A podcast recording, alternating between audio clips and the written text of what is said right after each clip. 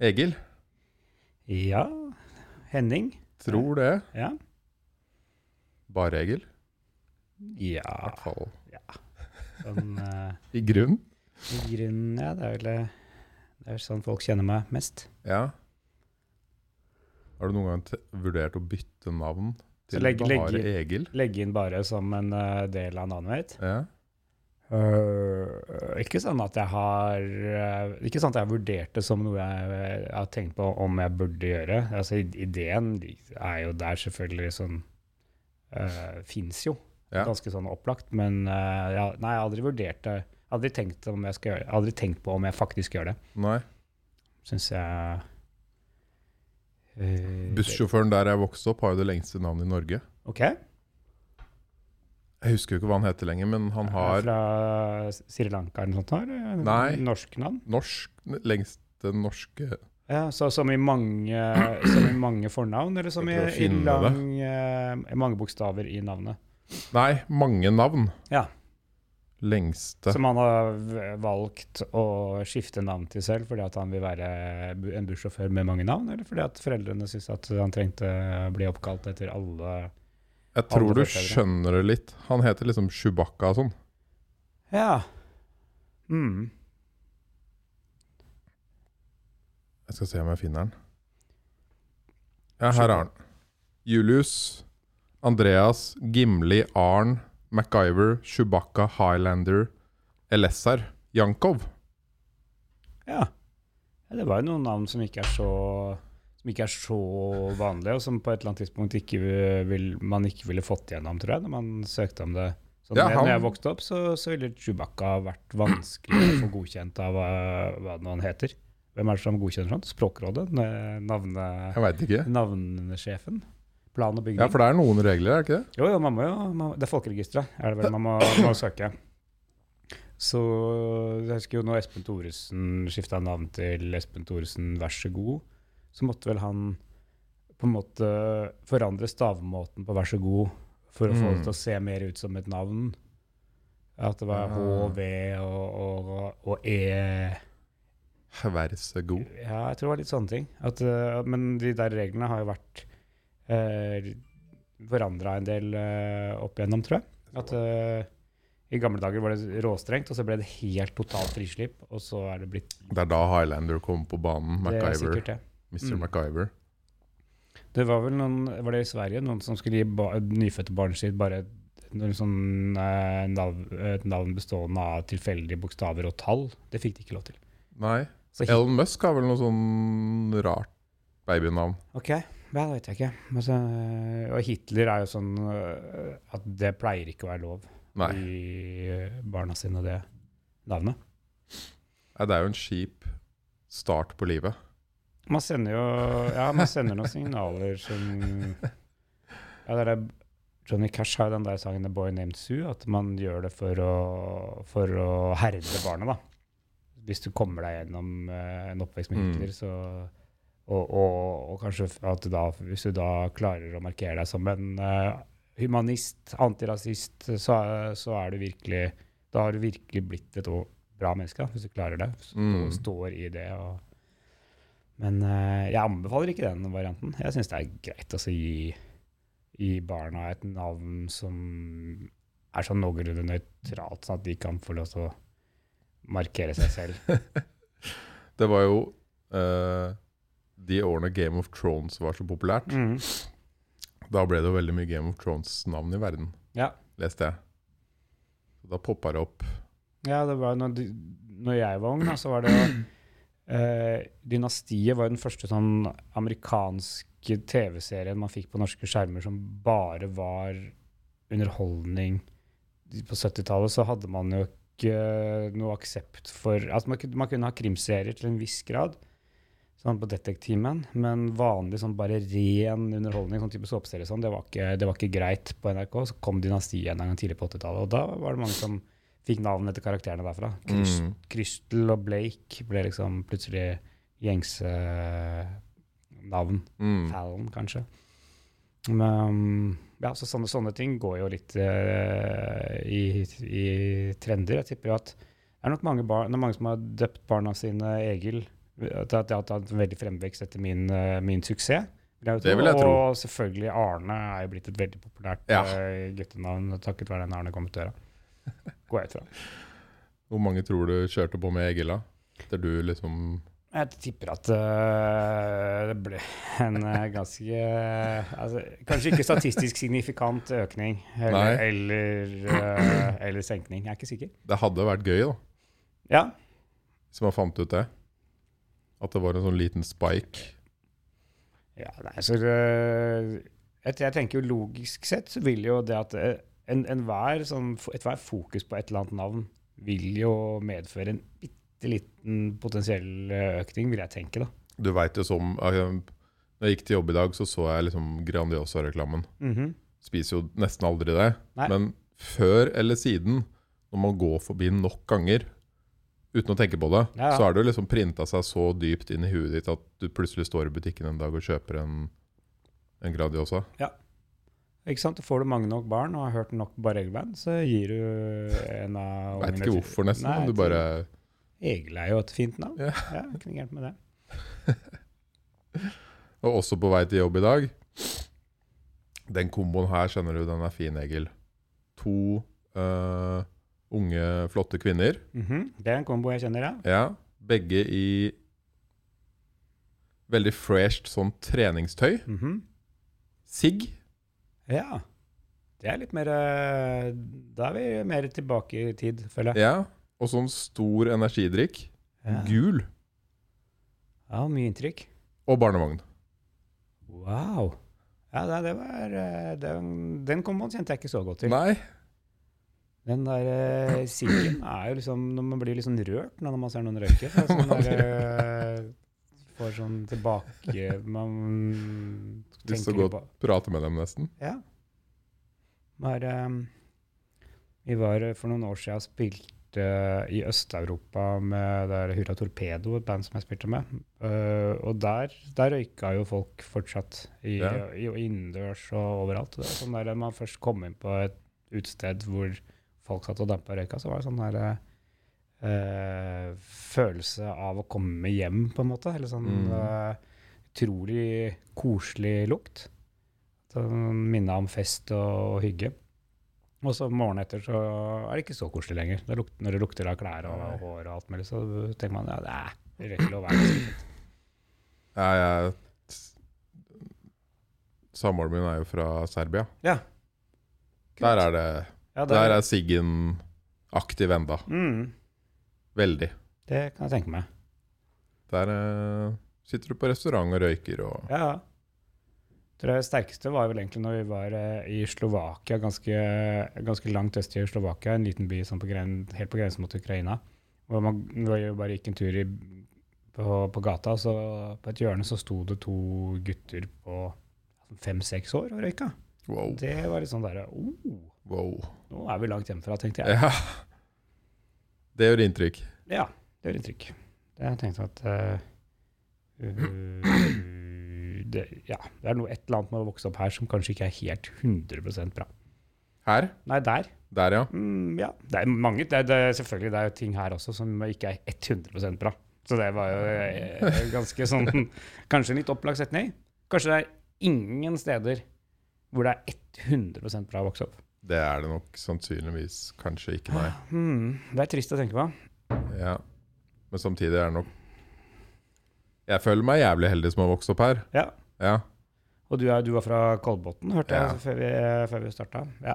Nei, det er, det er nok ganske Det er bedre enn de aller fleste steder på kloden, vil jeg tenke. da. Ikke sant? Mm. Du vokste opp, sa du, på 70-tallet På Bøler. På Bøler. Ja, så det er jo enda bedre enn Kolbotn, da, selvfølgelig. Men det er ganske sammenlignbare størrelser, da. Du, skal vi se, da når, er du, når er du født, og når er du vokst opp? 88. da? 88, ja. Så du vokste, fikk liksom 90-tallet sånn. Mm. Mm. Hvordan var 70-tallet på 70-, 80-, 90 På Bøler? Ja. Nei, 70-tallet var veldig fint, ass. Det var Jeg kom akkurat eh, inn uh, en veldig rolig tid på, på Bøler, da. Det var ganske mye mer bråkete eh, årene før. Det var mm, sånn type litt sånn gjeng, gjengaktig og ungdomsbråkete og narkotika og sånn, det var den første halvdelen av 70-tallet. Jeg er født i 70. Så når jeg begynte å vokse opp, så var vi liksom den første litt sånn englebarn-generasjonen. Mm. Mens alle, alle generasjoner før oss var, var mye mer eh, lurvete i, livs, Ja. i livsstilen. Så jeg hadde det helt prima. Digg, da. Mm, kjempefint. For, Ja. for meg. Og det var liksom før og etter også at det ble mer uh, Ja, så kom eh, et, etter så kom mer da nynazistene inn på banen og lagde en ukoselig stemning. Så det var ikke så bra. Nå er, bor jeg jo på Bøler igjen, og det er veldig hyggelig. Back to Bøler. Mhm. Hvor lenge har du holdt jeg, bodde, jeg bodde bare andre steder.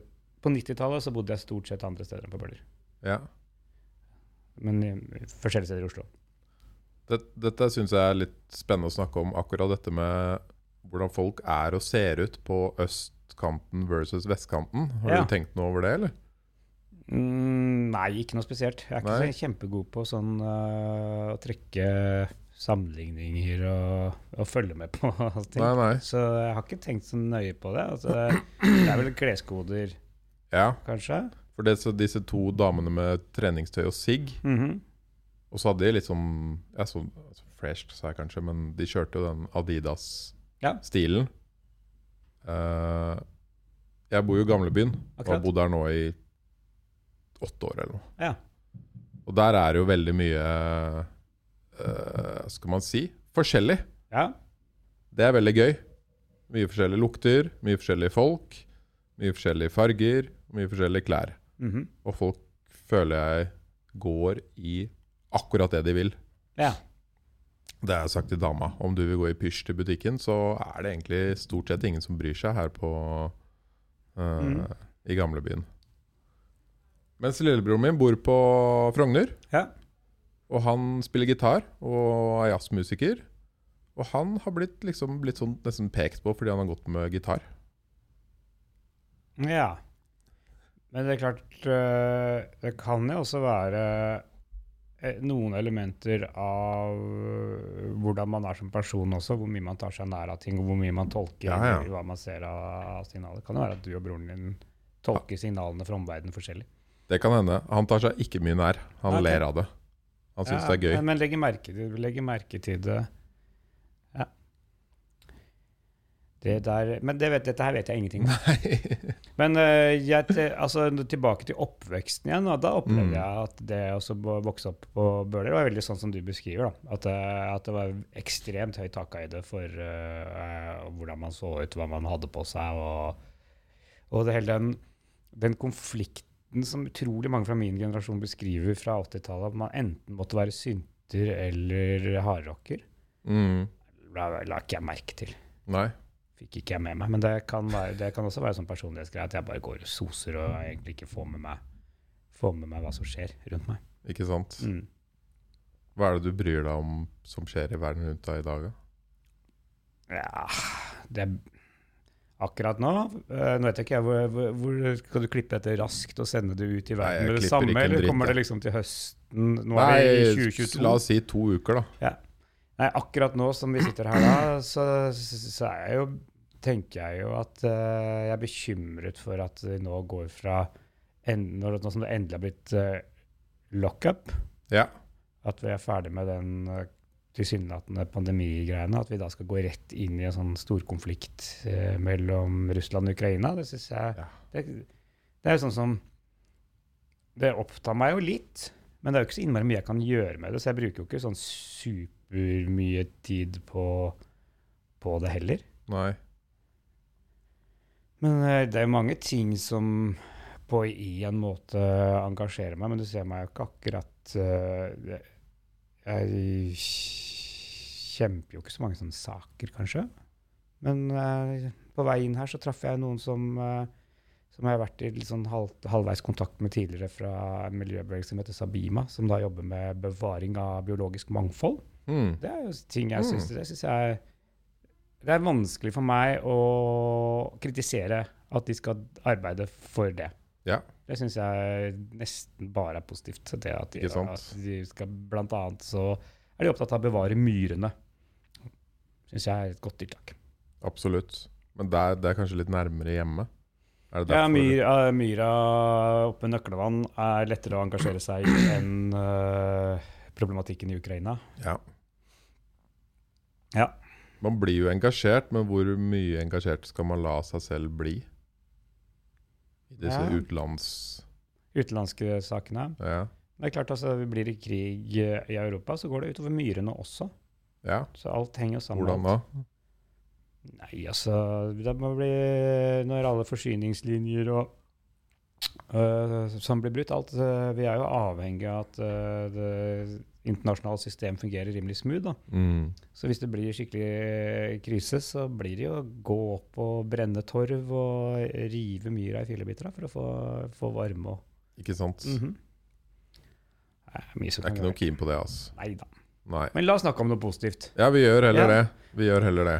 For her, hva er det Jeg har jo ikke satt meg sånn kjempegrundig inn i podkastens agenda, tema. Du hørte mye på podkaster selv, sa du? Ja, jeg hører ganske mye på podkaster.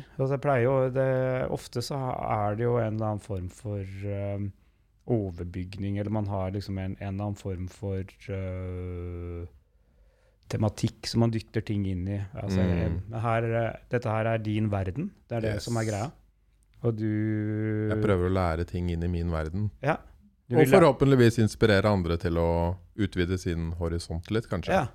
Så det handler mest om å, å snakke om forskjellige perspektiver på, på verden. Yes. Med, og du er da fra Kolbotn og bor i, i gamlebyen og driver med, med podkast, men det er ikke det, du driver ikke bare med podkast? Jeg driver også med Jeg arrangerer jo raves og festival. Ah, ja. Ja. Raves, altså. mhm. Det har vært litt sånn stillstand på rave-fronten også de siste par årene. Det har vært litt Uh... Det skulle man tro. Ja. Men det er jo klart eh, du kan eh, finne noe abandoned Det hadde vært noe grot, litt grotte-rave. og Ikke sånn- grotte. Ikke Det, grotte. det er den Det, det er en av de grensene du stiller, setter? Nei, men det er det folk i Norge Avisene Du veit jo hvordan media er, Ja.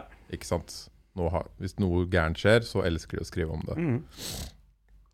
Og dette grotteravet, det var jo en gjeng med nesten russ Mhm. som hadde en temafest som var rave. Ja. Akkurat som de skulle hatt en temafest som var 80s eller halloween. Hvor man kanskje nødvendigvis ikke kan så mye om det, Mhm. eller vet hva det er. Men det er gøy å ha temafester, Ja, ja, ja. ikke sant? Så det er jo veldig langt fra det vi holder på med. Ja, Som er mer profesjonalisert. eh, For. Veldig mye mer. Men uh, hvordan har da til, stimuleringstiltakene i rave-bransjen har det vært bra? Har, har det blitt godt ivaretatt av myndighetene i denne vanskelige tiden? Relativt. Ja. ja. Vi har fått støtte, i hvert fall. Mhm. Én eller to ganger. Kompensasjon eller stimulerings? Jeg tror vi har fått begge. Ja. Ja, mener jeg å huske. Vi har fått liksom for uh, I hvert fall for tapte billettinntekter. Mhm. Og så har vi vel også fått for at man uh, At man måtte ha mindre folk på festene enn det man egentlig kunne ha. ja. Men at dere skulle prøve å holde rave-kulturen gående Ja. ved å faktisk fortsette å arrangere.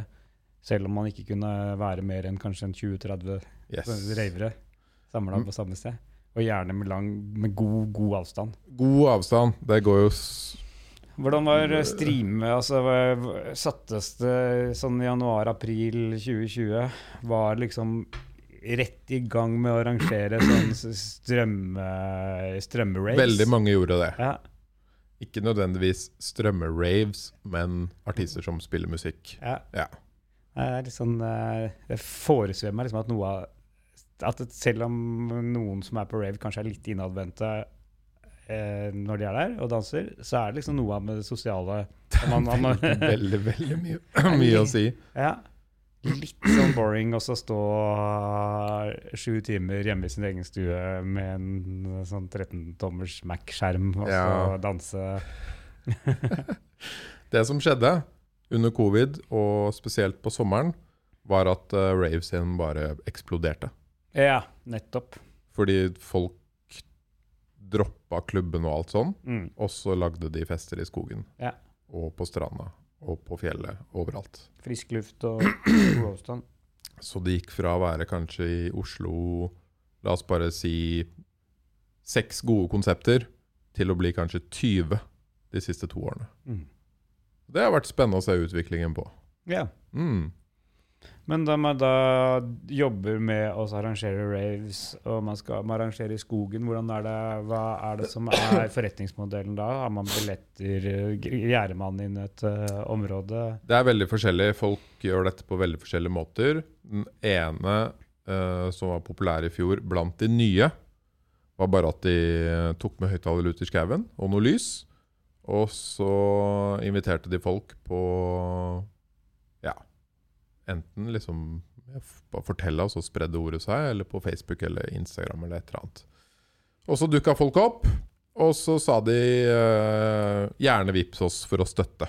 Ja, sånn, ja. Ja. Mm, det er liksom den der moderne, litt amerikansk inspirerte forretningsmodellen. Ja. At alt skal være gratis, men det forventes at man tipser, på en måte. Egentlig, ja. Likte du det vi gjorde, og skjønner du sjæl at dette er mye jobb, Mm. så er det veldig hyggelig om du vippser litt. Og veldig mange gjør det. Ja, Jeg vil si at 90, 90 gjør det. Nei, 80-90. 5 gir faen. mm. Og så er det selvfølgelig 5-10% som bare glemmer det. Altså, på en måte, et av de, en av de første gangene jeg, så den Det jeg kaller da den sånn amerikanske tanken bak det, da, var Vi var og turnerte i USA med, med Hurra Torpedo for hva vi si, 15 år siden. Nå. Og da en dag vi plutselig hadde en fridag, så sa han eh, bussjåføren vår sa at OK, på den fridagen dere ikke å dra opp til uh, Milwaukee og så dra på Vans Warp Tour og henge med NoFX, for jeg kjenner de, eh, så det, det, det kan jeg fikse. Ja, kan, kan du det? Gjerne det, liksom. Så, Bussjåføren. Bussjåføren, ja. Ja. Amerikanske bussjåføren. Uh, og vi ante ikke hva Vans Warped Tour var. Så, så- Vans Warped Tour. Ja, det er verdens største festival. Ja. Så det som reiser rundt i USA. Så midt på natta så sto vi liksom ved, ved highwayen og venta, så kom, så kom den de, kolonnen, da, som besto av jeg tror det var 82 nightlinere og 117 semitrailere som, oh, som bare kjører forbi. da.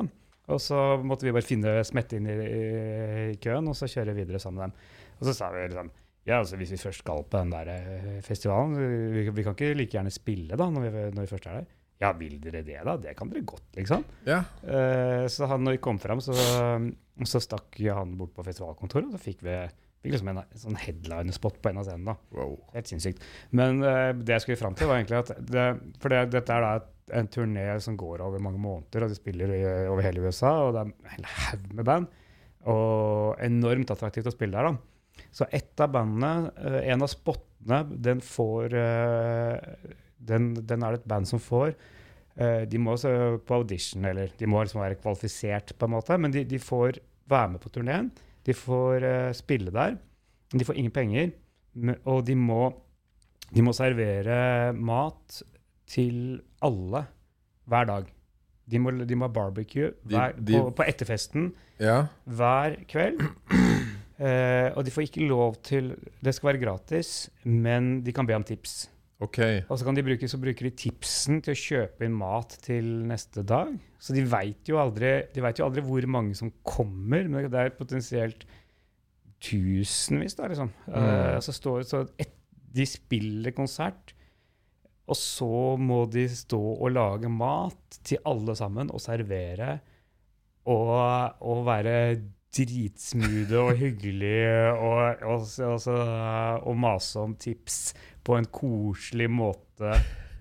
Så det er liksom sånn derre utrolig fucka opplegg, da. Ja. De har, Og dette er attraktivt? det det de, har, de har vært heldige da, og fått denne attraktive spotten eh, som gjør at de kan få reist rundt og vist seg fram, sånn at de potensielt kan Mm. få lov til å reise rundt og spille og få bitte, bitte litt penger en annen gang. Mm. Så det er den der uh, greia at du gjør du, ja, altså sånn også at alt, all software og, og podkaster, for så vidt. At alt er, alt er alltid gratis, men Du kan, du kan alltid Du, du, du bør liksom uh, sende noe via PayPal eller et eller annet til de som har mm. det, hvis du liker det. Det er, um, er liksom både og. Det er veldig vanskelig, altså. Ja. Altså Som for en musiker og en podcast-host og en type artist. Ja, å forstå seg på landskapet og hvordan man Ja, så blir, det blir så mye sånn derre Altså er sånn Alle YouTube-videoer og sånn hvor man hele tiden skal lure inni der og huske på å subscribe and hit that like button og alt det derre Alt det gnålet man må legge inn. Det er så kjedelig. Det er jævlig kjedelig. Og så må man være med i gamet samtidig. Jeg har ikke noe valg. Nei. Mm. Det er det som alltid slår meg. Uh, jeg er ikke noe sånn f.eks. spesielt glad i å bruke mye tid på sosiale medier. Nei, ikke sant? Det er en ting jeg liksom ikke Jeg digger det ikke så mye. Nei, ikke sant? Men jeg må, Ja. for at folk skal finne ut om podkasten min. Og kanskje, kanskje i forbindelse med, med Raven også. At det, sosiale medier kan være en plattform å, å nå ut til folk på. muligens. Mm. Jeg vet ikke hvordan det fungerer. Men hvordan er dette landskapet for musikere i dag, da? Hvordan funker det? Ja, det er, det er jævla slitsomt, rett og slett. Jeg syns, jeg syns det er litt, litt, litt marerittaktig, akkurat det. Altså. Det Hvordan er forskjellen fra liksom når du starta og holdt på med musikk og gi ut musikk, til i dag? For da var det jo skiver, og det var vel Da var det jo skiver, og så var det selvfølgelig ingen sosiale medier. Det var ikke mobiltelefoner. Eh, så når vi starta, så var jo det som var eh, kommunikasjonsplattformene da, var jo flyere og plat plakater. Så man eh, la, la mye arbeid i å lage sånne løpesedler som man la rundt på barer og sånn. Og, og henge, opp, henge opp plakater overalt. Og så var det selvfølgelig en enorm forskjell er jo at man hadde en, en, man hadde en musikkpresse, og man hadde også en musikkredaksjon i enhver enhver lokalavis hadde Mm. sin egen uh, musikkredaksjon. Så plater, norske plater som kom ut, ble jo anmeldt i, i alle lokalaviser potensielt. Liksom. Ja. Det kunne være kunne være et hundretalls anmeldelser av en plate. Mens det nå eh, I dag så vil det jo Så er det jo eh, Selv de aller største artistene kan jo eh, kan, ikke bli anmeldt i det hele tatt. Mm. Det, så, så det er jo en Det er jo en veldig stor forskjell. Den føler seg jo veldig lite sett og verdsatt. Altså det at, og, eh, at det ikke fins noe TV-program som spiller musikk utover de konkurranseformatene hvor man må spille noe, noe annet enn det man, eller- være med på noe mm. annet enn det man egentlig driver med, er jo også en stor forskjell. Så Men man drev jo mye arbeid Man la jo mye arbeid i, i markedsføring da også. Men ja, altså det, det som er sånn marerittaktig med, med sosiale mediene, er jo at eh, egentlig så er jo det en perfekt uh, måte å nå ut til veldig mange folk med lite arbeid på en måte. Da. Man kan lage, lage, et, uh, lage en video eller lage et eller annet morsomt innlegg som dekker mye. Men det er en så stor etterspørsel etter noe unikt liksom at, man nå, at man nå skal Jeg vet ikke om det kanskje går mot, har gått mot slutten, men at man skal lage, lage eh, eksklusive videoer til ethvert spillested, f.eks. Så at man skal lage unikt innhold til alt mulig hele tiden. Så man, er helt, man har liksom et sånn derre krav fra arrangører og at man skal skape eh, aktivitet og, og underholdning hele tiden. Når man føler at når man har laget plata, så har man egentlig skapt det man, det Mm. man har lyst til. Så det, men det, er, det handler jo selvfølgelig om at jeg er en gammel gubbe og ikke er vant til Eller at jeg ikke er vokst opp med, med de eh,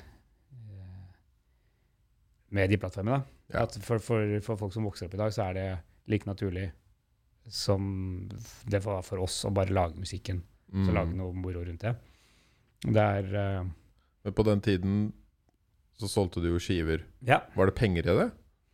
Eller var det Ja, liksom var konserter? sånn- konserter? det, det var ikke dritmye penger i skiver. Det har aldri vært dritmye penger i skiver uansett, men det er klart uh, Det var jo det var jo i mye større grad uh, en type penger som dek, kunne dekke inn produksjonskostnader og sånn. Det var det jo. Ja. Men a- at, bli, at det skulle bli noe særlig inntekt til et band ut av platesalg, det skulle ganske mye til. altså. Mm. Du kan tenke deg, altså, La oss si man fikk At bandet kanskje fikk uh, ja, 15 kroner da, for en CD. Det tror jeg var veldig bra. Ja. Og de kosta 150 kroner eller noe, Ja. noe sånt Noe, ja. i den duren. Mm. Og så, så for 15 kroner, hvis man da solgte 10 000 CD-er, så ble jo det da 150 000. Man fikk nok ikke 15 kroner ja, Det spørs, det kommer helt an på hvordan man var organisert. da. Hvis man, Mm. eh, hvis man ga det ut selv, så, så kunne det jo være gode penger i det. Man, treng, men man trengte nok i enda større grad et plateselskap som, eh, som håndterte den profesjonelle biten av det da. Min oppfatning er at, man- at platesalget, selv, selv jeg som var en soloartist som fikk alle penga sjøl, og som solgte dritmye CD-er Ja, for det du har Altså Første plata den solgte den absolutt ikke bare Regelband, den solgte eh, kanskje 40 000 eksemplarer. Wow. Og jeg var jo opphavsmann på alle låtene og, og utøveren. Så jeg, jeg fikk jo liksom det, den, det som vanligvis skulle vært fordelt på et band. da. Uh, og det ble, det ble masse penger, det. Så Mm. jeg skal ikke klage over det, men allikevel så, så var liksom det platesalgbiten av det Opplevde jeg likevel som eh, utrolig mye mindre penger enn uh, konsertinntekten. da. mm. Så sånn sett så er, så er jo forskjellen litt mindre enn man skulle Eller større Nei, hva skal jeg si? Forskjellen er mindre enn man skulle tro. Men uh, forskjellen nå er at jeg uh, må- Det å produsere en plate, altså gå i studio og sånt, det er potensielt jævla dyrt. Ja. Og når, når hvis man bare skal finansiere det med strøminntekter, så er det, så er det sånn de, de tallene der er så jævlig lave. da. Så er, så la oss si at jeg bruker 200 000 da, på, på å spille inn en Barrel Band-skive eh, med band og, og sånn. Da er det jo stor forskjell også selv, på å selge fysiske eksemplarer, hvor det, hvor det kommer liksom eh, noen hundre inn per eh, eksemplar, eller om det, selv, eller om det streames for noen, noen øre, liksom. Det skal, Mm. det, de platene jeg lager Jeg tenker jo at de aldri kommer til å tjene seg inn, men at de er en at jeg, jeg liker å lage plater, det er jo en ting. Og så, så er det en slags bare sånn reklameplakat for at man lever og Mm. fins. Jeg tror jeg faktisk har et bilde av, hvis jeg klarer å finne det, av hvor mange streams man trenger for å tjene Eller hva man tjener. Jeg skal se om jeg finner det. Det er ikke så lenge siden jeg så det. Og det er jo, som du sier, helt vanvittig teit. Uh, Ja da, det er, det er dårlig Det er dårlig tall. Nei, Det er, det som, men det som er verst med den strømmemodellen, syns jeg, da, det er selvfølgelig også fordi at jeg er en bitte liten artist som uh, strømmer jo Jeg strømmer ganske ålreit uh, på én måte, men det, det som er dritt, er at, det er, at hele den uh, modellen er så jævlig sånn the winner takes it all. Ja. At det er at man får forsterket de enorme forskjellene. At sånn store, de store artistene får så ekstremt mye eller ekstremt stor del av kaka. da. Og det er flere grunner til det. Det er jo fordelingsmodellen, og det er liksom hvordan algoritmene fungerer. Den tanken når man fikk Spotify og, og Vimp og alle disse her tjenestene i starten, så tenker man sånn Å, wow, all musikk i verden er tilgjengelig for alle mm. til enhver tid. Nå kan endelig de små uttrykkene bli hørt, og man kan nå ut til, til flere. Men det, det som skjer, er jo at bare enda flere hører på akkurat det samme. At de, at de, de, de største blir større, og de, og de minste blir helt marginalisert. Mm. Så det det er litt trist. Skulle ønske at det var litt sånn kulturpolitisk bevissthet uh, i, uh, også i de storkapitalistiske uh, internasjonale strømmetjenestene, men det kommer ikke til å skje. Nei. For de er så til de grader avhengig av de, de storselgende artistene. Og de har jo ingen interesse av å gi penger, Dele penger. dele, penger, dele mer penger enn de trenger. De, de syns sikkert også de får altfor lite, selv om eh, Ja, sikkert. fordi at, penger, fordi at eh, summen per stream er så lav, da, uansett. Mm. Så det er litt hjertesukk der, men eh, jeg har det jo helt sykt bra, så jeg trenger jo ikke å klage, egentlig. Nei. Jeg er jo søkkrik. Du er jo steinrik. Ja, ja, altså jeg kommer fra en tid eh, Jeg har etablert meg før, eh, før strømming og alt mulig. Og har, har et par solide, gamle hits i bagasjen som Ja. eh, bare fortsetter å leve sitt eget liv. Barna blir eksponert for Arne går mot døra, bæsj i skjegget, liker det. Og vokser opp og har et nostalgisk forhold til Bård Så jeg er sikra fram til pensjonsalderen. Ja, ikke sant? Som kommer raskere enn man skulle tro. Ja. Hvor gammel er du nå?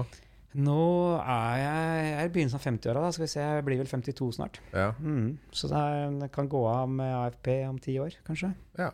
Hvis jeg får en god avtale med arbeidsgiver. Men uh, hva syns unge folk i dag om musikken din, da?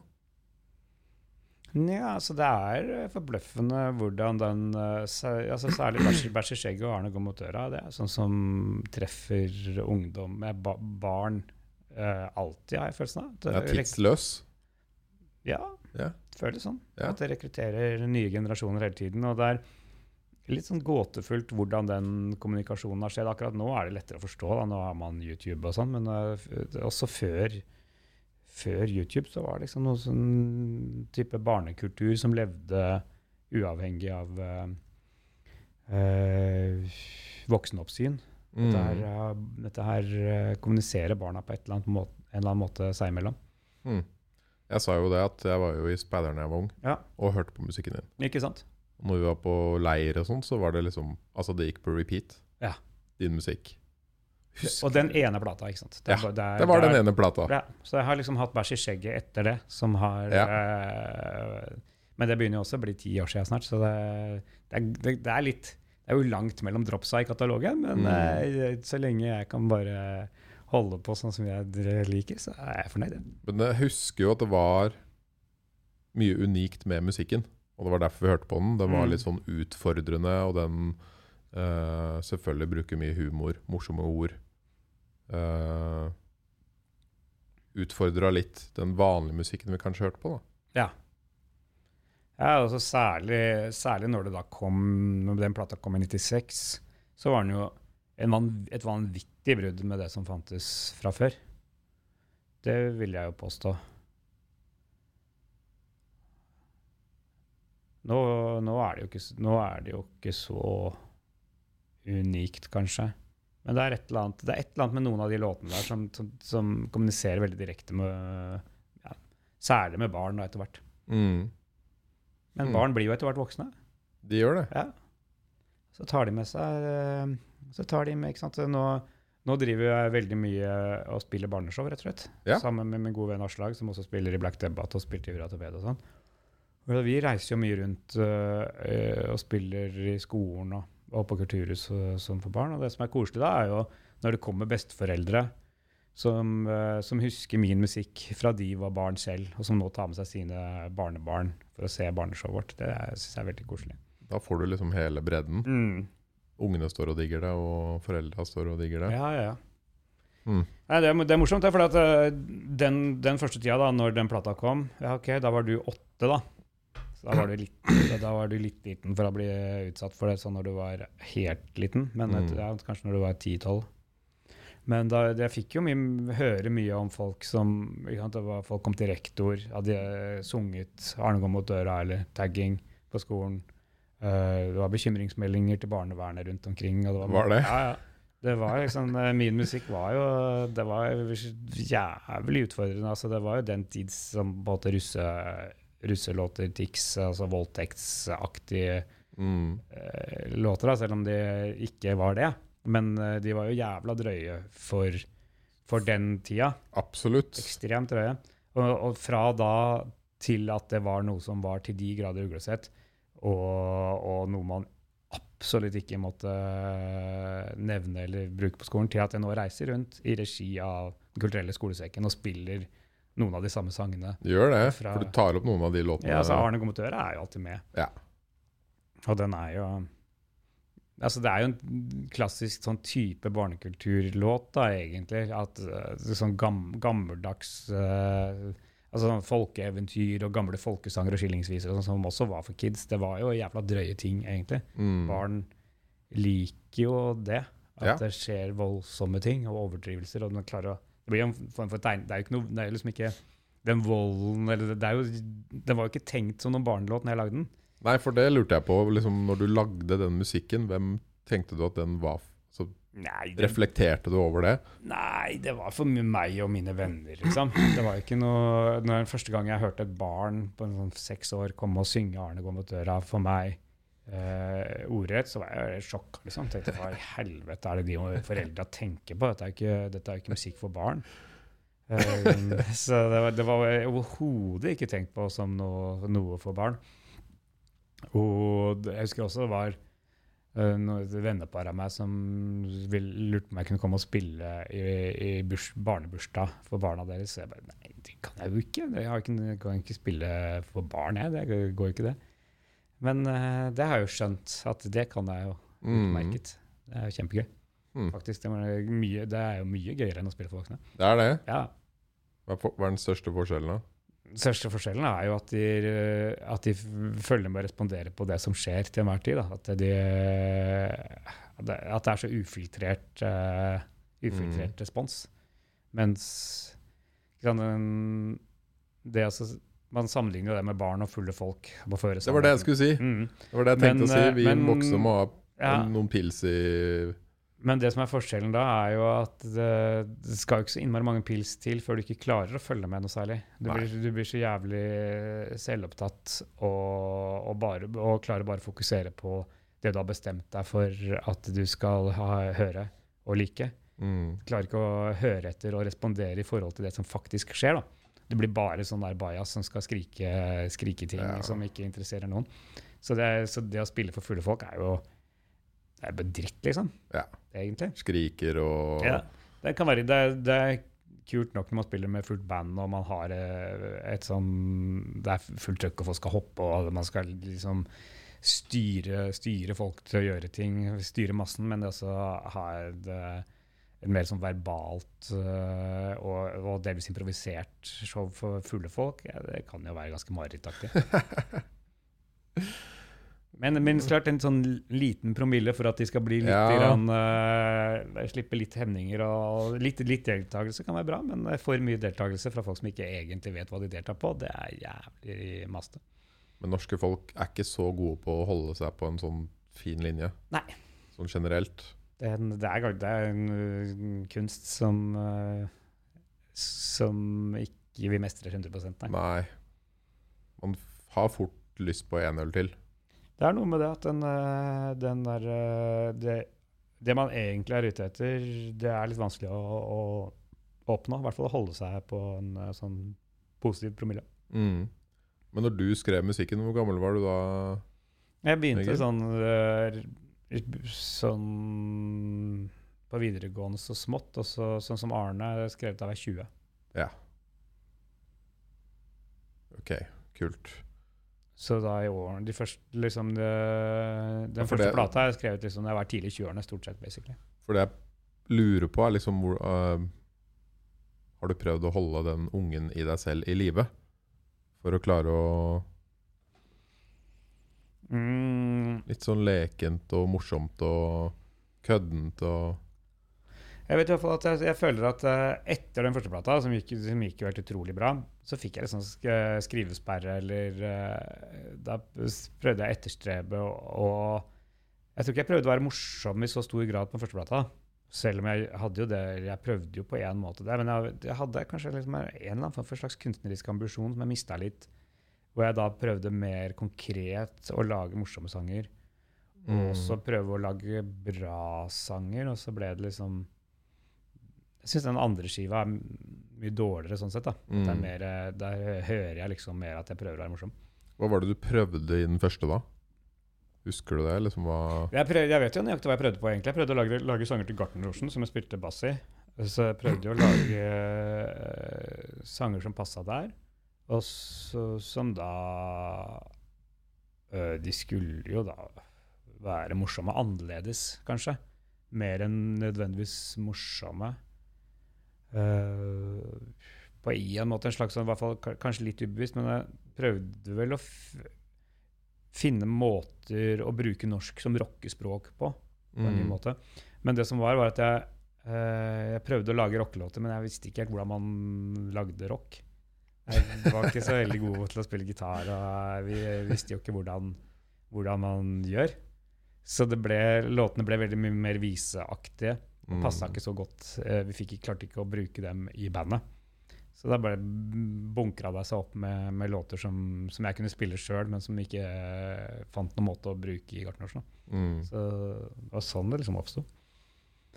Ja, for det er, som vi snakka om, det er jo litt som en utfordrer til på en måte samfunnet og hvordan folk tenkte, og, og som du sier, altså spesielt barn som begynte å høre mye på det. Ja. Tror det, det tok litt tid før det nå Ja, nei, det var kanskje ungdom. Ungdom, ja. Ungdom i starten, og sånn, sånn tagging og sånn. Appellerte jo eh, til ungdom da. Men ganske ung ungdom, Eh, Ja, Ja. kanskje. Kanskje. kanskje. Ser du det i dag? Ungdomsskoleaktig, så kanskje. Sånn da. Ja.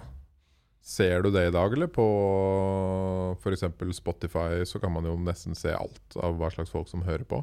Og ja, nei, den grad jeg ser på de sta statistikkene der, så er det jo 35-44 menn, Ja.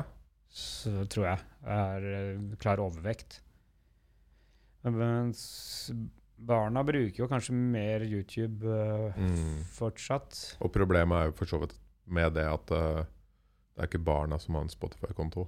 Nei, ikke sant. Det, de vil nok ikke komme, slå ut så godt på, på den statistikken, nei.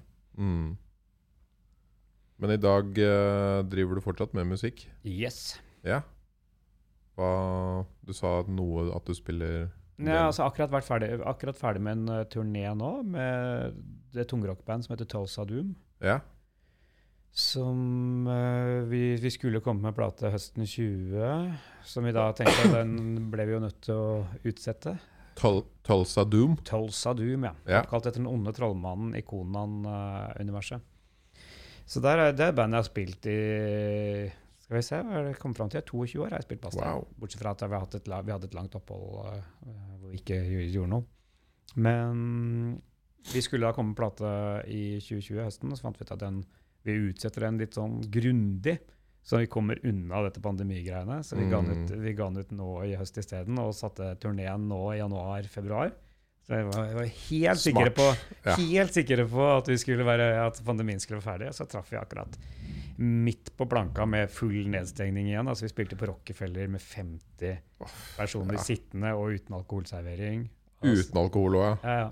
Det var turnéstart, og så avslutta vi nå på, på lørdag. Så var det jo da gjenåpning, så det var liksom eneste konserten hvor folk kunne stå. da. ja. Så det var jo eh, litt dårlig timing, men eh, sånn, sånn blei det. Mm. Så det er ett band jeg spiller der, der er jeg bare bassist. Der har jeg ikke mikrofon eller noen ting. Så det er egentlig veldig behagelig rolle, syns jeg. Sånn med en avveksling, i hvert fall. Mm. Og så er det black Tungmetall. Ja, det er en slags Det er jo en form for tungrock. Så litt sånn 70-talls ja, litt progressiv tungrock. Men uh, ikke, noe, ikke sånn black metal. Altså det er ikke noe sånn growling og sånn. Det er mer sunget. Ja. Så Det er ikke som banda til Anders Odden og, Nei. og den gjengen. Ikke sånn. Nei. Det er uh, Thin Lizzie kan være én referanse av mange. Det er ganske mange. Men uh, Jakob som synger, han har en stemme som ikke er helt ulik uh, Fyllynet i, Mm. i Thin Lizzie. Så det, det kan minne om det, men det kan også minne om ganske mye annet. Så det er ett band, og så er det Black Debate spiller jeg også bass Ja. i. Så vi, holder, vi jobber med en ny plate nå som kommer til høsten. Så det blir vår, den vanskelige niende plata med Black Debate. Niende. Mm. Så det gruer vi oss til. da. Gruer oss til å måtte reise ut og rocke med det. Gruer dere? ja, gruer meg alltid til å rocke. Hvorfor det? Nei, det er jo slitsomt. Når man kommer opp i min alder, så er det veldig tungt. Tungt, Ja. tungt kroppsarbeid. Ja. På altså reisinga. Nei, nei jeg, jeg liker det veldig godt, da. Ja. Absolutt. Og så er det bare regelband. Pusler og går, da, skjønner du. Det er rundt å spille. Ja, bare, og ikke minst, altså Først og fremst kanskje barneshowet. Hvor vi ga ut også en plate i fjor høst med, med en For første gang da, en, en plate som egentlig er, er Hvor barn er mer en målgruppe, da. Mm. Selv om det er en vel så mye en plate for voksne. Og så er det, ja, som sagt, bare regelband driver jeg Jeg har liksom haug med skiver i, i produksjon på, en, på, flere, på forskjellige stadier. Men det, men det kommer når det kommer. ja. Det er ikke noe stress. Jeg så du trua Spotify med å gi ut mye Vel. musikk som du Ja, Hvis ikke de oppfyller alle krav, ja. Hvilke krav er det du Alle krav. Alle? Alle krav. Så det er, vel, det er ganske vanskelig for Spotify å oppfylle, vil jeg tro. I og med at ofte, vil- ofte vil jo noen kreve det motsatte av, av noen andre. Ikke sant? Og da, da må de finne ut av hvordan de skal løse det. Hvis ikke, jeg, hvis ikke kommer jeg til å gi ut mer musikk. Ja. Og mye som du ikke burde gitt ut. Ja, masse dritt. Mye, uh, mye halvferdig og mye hjemmelagd. For du har sikkert sett hvert fall litt om den Joe Rogan-greiene som skjer nå, eller? Ja da. Ja. Jeg har merket meg det. Og jeg har jo ikke noe forhold til Joe Rogan. Jeg har aldri hørt på det. Jeg har skjønt at uh, han er glad i å prate lenge. Det har jeg skjønt. Ja. Og så at, han, at, uh, at det kan være ulike meninger om gjestene hans. At noen føler Yes. at han uh, slipper til folk som ikke burde få si de tingene de har sagt. Mm. Og det kan jo sikkert Det er er jo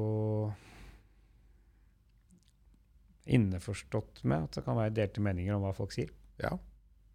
Det er jo Men sånn jeg- det er. Ja. Men men jeg, liksom, og så syns jeg det er sånn sånn når Neil Young truer med å trekke musikken. Jeg tenker så- Det er to sider der. At det er, det er bra med folk som har meninger, og som står opp for meningene sine og gjør det de, de kan for å skape det de, en bedre verden sånn som de ser det. Men samtidig så er, jeg- så er jeg veldig skeptisk til også at uh, eh, frata andre muligheten til å fremme sine synspunkter, da, uavhengig av hva det er. Ja, for det er jo liksom litt av poenget med podkastens verden. Ja. Å kunne gi ulike mennesker uh, et sted å snakke. Ja. Og så må folka som hører på podkast, vite det. Mm. Og så må man uh, benytte det man hører. Må man bruke, være, bruke kritisk sans. Også når man Absolutt. hører, eh, jeg fortelle, hører meg fortelle ting, f.eks., så må man vurdere om jeg er en troverdig kilde til det jeg snakker om. Mm. Om jeg, jeg, jeg kan jo jeg kan jo sitte her og ljuge. Og jeg kan sitte her altså Jeg kan ha vrangforestillinger. Og det, det også få folk med vrangforestillinger til å fremlegge sitt verdenssyn og blottstille sine vrangforestillinger, kan jo være en like effektiv måte på å få folk til å skjønne at dette her er jo ko-ko-folk som Mm. jeg ikke trenger å forholde meg til. Hvis man da, hvis man da nekter dem en, eh, å, å fortelle om verden fra sitt synspunkt, så kan det jo potensielt slå liksom mer motsatt vei. da. Ja. At det, at det gir jo næring for konspirasjonsteorier. og Kanskje han har rett, siden han ikke får lov til å snakke. Jeg vet ikke. Det er vanskelig å si. Joe Rogan er jo i hvert fall verdens største podkast. Mm. Da har man veldig mange lyttere. Ja. Og så har han holdt på i 12 eller 13 år. Så han har jo mange over 1000 episoder. Ja. 1400 episoder eller noe, tror jeg. Og Og så har han mange, mange, mange mange times lange episoder, ikke sant. Ja. Om alt mulig. Og i løpet av tolv år da, så er det vanskelig å si noe som ikke stemmer helt med det alle syns er riktig. Mm. Ja. Det er ikke så enkelt. Nei, altså hvis man, hvis man da bare sier helt ukontroversielle ting gjennom la oss si eh, 100 000 timer, da, Ja. så, så blir man kanskje ikke så populær. Men det er, det, det er jo det dilemmaet Tilbake til sosiale medier og, og dritten med det. Da. Det er jo det at plutselig så er eh, hele verden er ditt publikum til enhver tid. Og man etter hvert ikke skiller mellom. Sånn som, altså, Joe Rogan er jo en som når ut til jævlig mange. Og som Veldig. sådan så er han en, en, en stor kraft i både i USA og i hele verden. Og, og selvfølgelig med det fø- fø- følger det et, kanskje et ekstra stort ansvar for hva man, uh, hva man slipper til. Mm. For det som, det som jo også er helt utrolig ko-ko med vår verden, er jo at sånn som pressen i hvert fall skiller jo heller ikke med mellom, mellom han da. Og jeg vet ikke hvor, hvor mange hvor mange lyttere har denne podkasten, tror du? Sånn vet du Mellom 5000 og 10 000 per episode. Ah, Såpass? Ja. Wow.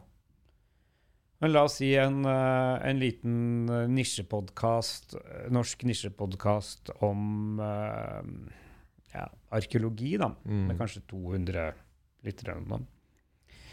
Er, er det Hvis man sier noe kontroversielt der, da Man har kanskje en uh, arkeolog på besøk med noen uh, forkvaklede teorier om rase uh, som man trekker inn i noe eh, beskrivelser av et eller annet eh, oldtidssamfunn. Jeg vet ikke, det er tilfeldig valgt eksempel, men det, det er et eller annet det, det er et eller annet med at eh, alt behandles som om det når at, at det når ut til alle, Det at det når ut til alle, gjør at alt behandles som om det er like viktig òg. Mm. At man eh, da til de grader skal settes i gapestokken hvis man har sagt noe som strider mot en rådende oppfatning, i et, et sted hvor det ikke når ut egentlig til noen, før noen, eh, før noen trekker det fram og sier at fy faen, hørte hva han gærne rasistarkeologen sa? Mm. Nei, det har vi ikke hørt. Jo, nå sa det. Nei, ok, nå har vi hørt det nå, og det må vi, faen, det må vi spre. Må vi- Det må vi spre, det må vi spre til hele verden, liksom. Um, og jeg husker ikke hvor jeg skal med det. Men uh, Nei, men uh, det, er noen, det er noen interessante dilemmaer der. Både, både det at altså når, Jo, når man bikker en, uh, en sånn popularitet som Joe Rogan har, da um, han, han får den populariteten nettopp pga. den typen innhold han har. Absolutt. måten han snakker med folk på, at han slipper til forskjellige synspunkter. Og sånn, men så på et eller annet tidspunkt så det, ja, Nå er du så populær at nå kan du ikke holde på sånn lenger. Fordi at det, for du har sånn påvirkningskraft. Og det strider jo mot alt det han vil. Ja, ja. For det er hele poenget med podkasten hans, og det er det han har sagt i tolv år. ikke sant? Og det, jo, Eh. det, og det burde jo stride mot ja, altså Alle burde jo egentlig være enige med han, da, tenker jeg. Mm. At det er en arena for, for samtale hvor man faktisk lytter til hverandre. Nett tilbake til det med barn kontra fulle folk igjen. Ja.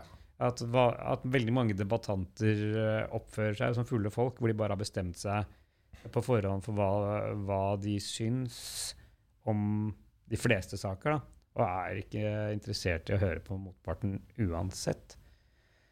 Og det, det, er dårlig, det er jo dårlig Det er jo ikke sånn det skal være. Mm. Man skal jo ideelt sett lytte til hverandre. og Men ligger ansvaret hos podcasteren eller hos lytteren? Eller formidlingsleddet, i dette tilfellet Ja. Spotify. da. Ja. Det er, det er det store spørsmålet. Hmm. Nei, altså Podkasteren har jo et slags ansvar for Altså både overfor lytteren og overfor intervjuobjektet, når det er en sånn samtale. Nå skal vi prøve å få gjengitt Eller prøve å få, få intervjuobjektet til å få, få framlagt sine synspunkter sånn nært opp til hva de egentlig er som mulig, tenker jeg. Mm. Så det er jo et ansvar både overfor, overfor intervjuobjektet og lytteren, at, at lytteren skal få så godt inntrykk som mulig av hva, hva er denne fyren egentlig mener. Og så I det så ligger det jo at, at, at podkastverten har et slags ansvar for å stille de riktige kritiske oppfølgingsspørsmålene. Men, men vi, hva som er de rette kritiske oppfølgingsspørsmålene, Nettopp. det, det er jo ikke opp til andre å bestemme, egentlig. Det, det, I en samtale så kommer man jo på de spørsmålene man kommer på. Ja. Og man har sin referansebakgrunn som gjør at man reagerer på det som blir sagt, på nettopp den måten man selv gjør. Og det er det Det kan man jo ikke styre, liksom. Uh, ut, ja, Man kan ikke ha et sett med, med regler for hvordan det skal være for at alle skal være fornøyd. Nei, og i tillegg så er jo En podkast kan jo vare i tre timer. Ja, jeg syns kanskje ikke den bør det, men eh, Nei, men et intervju på en. TV Mm. er jo ofte fem minutter, ikke sant? ja, ja. Der er det veldig sånn Dette er spørsmålet. Mm. Og, da, det du og, man tenker. må, ja, og man må ha snakket igjennom alt på forhånd. Ja. Vite nøyaktig hvor man skal. Jeg skal si dette når du, du skal fiske etter den historien, og så skal jeg komme med den historien på en, på en planlagt og poengtert måte. Utrolig kjedelig. Ja. Du må liksom si hvis du, hvis du kan veldig mye om en ting, da, arkeologi, mm. så må du si veldig mye om det på veldig kort tid. Ja. Men egentlig skal, si, egentlig skal du ikke si noen ting om arkeologi i det hele tatt. Du skal fortelle om en gang du uh, opplevde noe dramatisk når du var ute og gravde, eller du skal uh, fortelle, for, fortelle om hvorfor du ble interessert i arkeologi, forutsatt at det er noe, en eller annen tragedie som, som var det, altså noe i familiehistorikken som var trist, eller noe som gjør at du ble interessert i utgangspunktet. Er jo, TV er jo ikke en format for å fortelle noe om det man driver med. Nei. Men du sa ok, det var podkasteren sin ansvar, og så formidler, formidlerens. Det var jo det Ja, det er, det store, det er også et spørsmål, da. Ja. det, er, altså det, det det Neil Young da på en måte postulerer at Spotify har et ansvar. Og det, det, det er jo det samme, det går tilbake også på andre ting.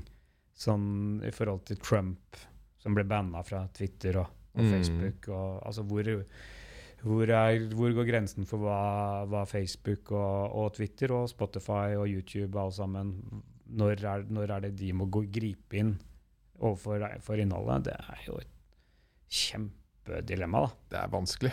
Dritvanskelig. Fordi jeg har det, det er sånn ja, Pupper. Ja. Uh, pupper er ikke lov. eh, Det er jo lov på Twitter, sa jeg nå. eh, Men da Yes! Finally! Nei, men Twitter har, Twitter har visst det. De har jo lov til pupper. de har lov til pupper, mens Facebook har jo ikke det. Nei.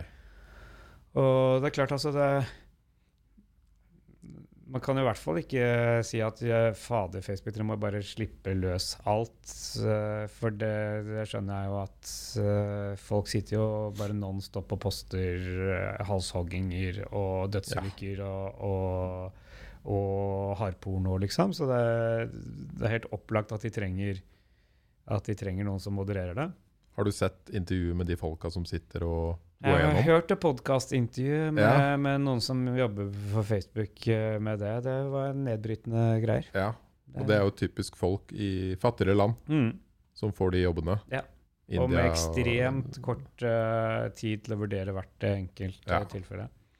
Så du sitter rett og slett en full arbeidsdag og bare ser gjennom, som du sa, hardporno og halshugging. Ja. Så, så behovet for en moderering Yes. Og hvor går, går grensen? Helt psyko-vanskelige Ja. problemstillinger. Var det riktig å banne Trump? Nei, Jeg er veldig usikker. Det som er jo Men det er, For der kommer jo igjen Var det riktig å banne Trump, eller skulle man gjort noe med algoritmene som gjør at, at ting som er eh, hatefullt og, og fake news og ja, at, det, at det er det som har størst gjennomslagskraft. Jeg tenker jo at det er jo, det er jo algoritmene der som er, er problemet mer, mer enn egentlig Trump. da. Ved å banne Trump så gir man jo han en voldsom uh, sånn martyraktig status, mm. Som, er, som overhodet ikke er bra heller. Og det, det er jo bare en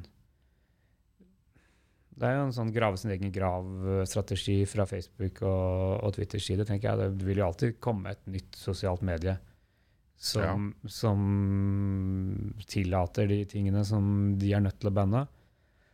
Og så, så flytter jo folk eh, gradvis over dit. da. Mm.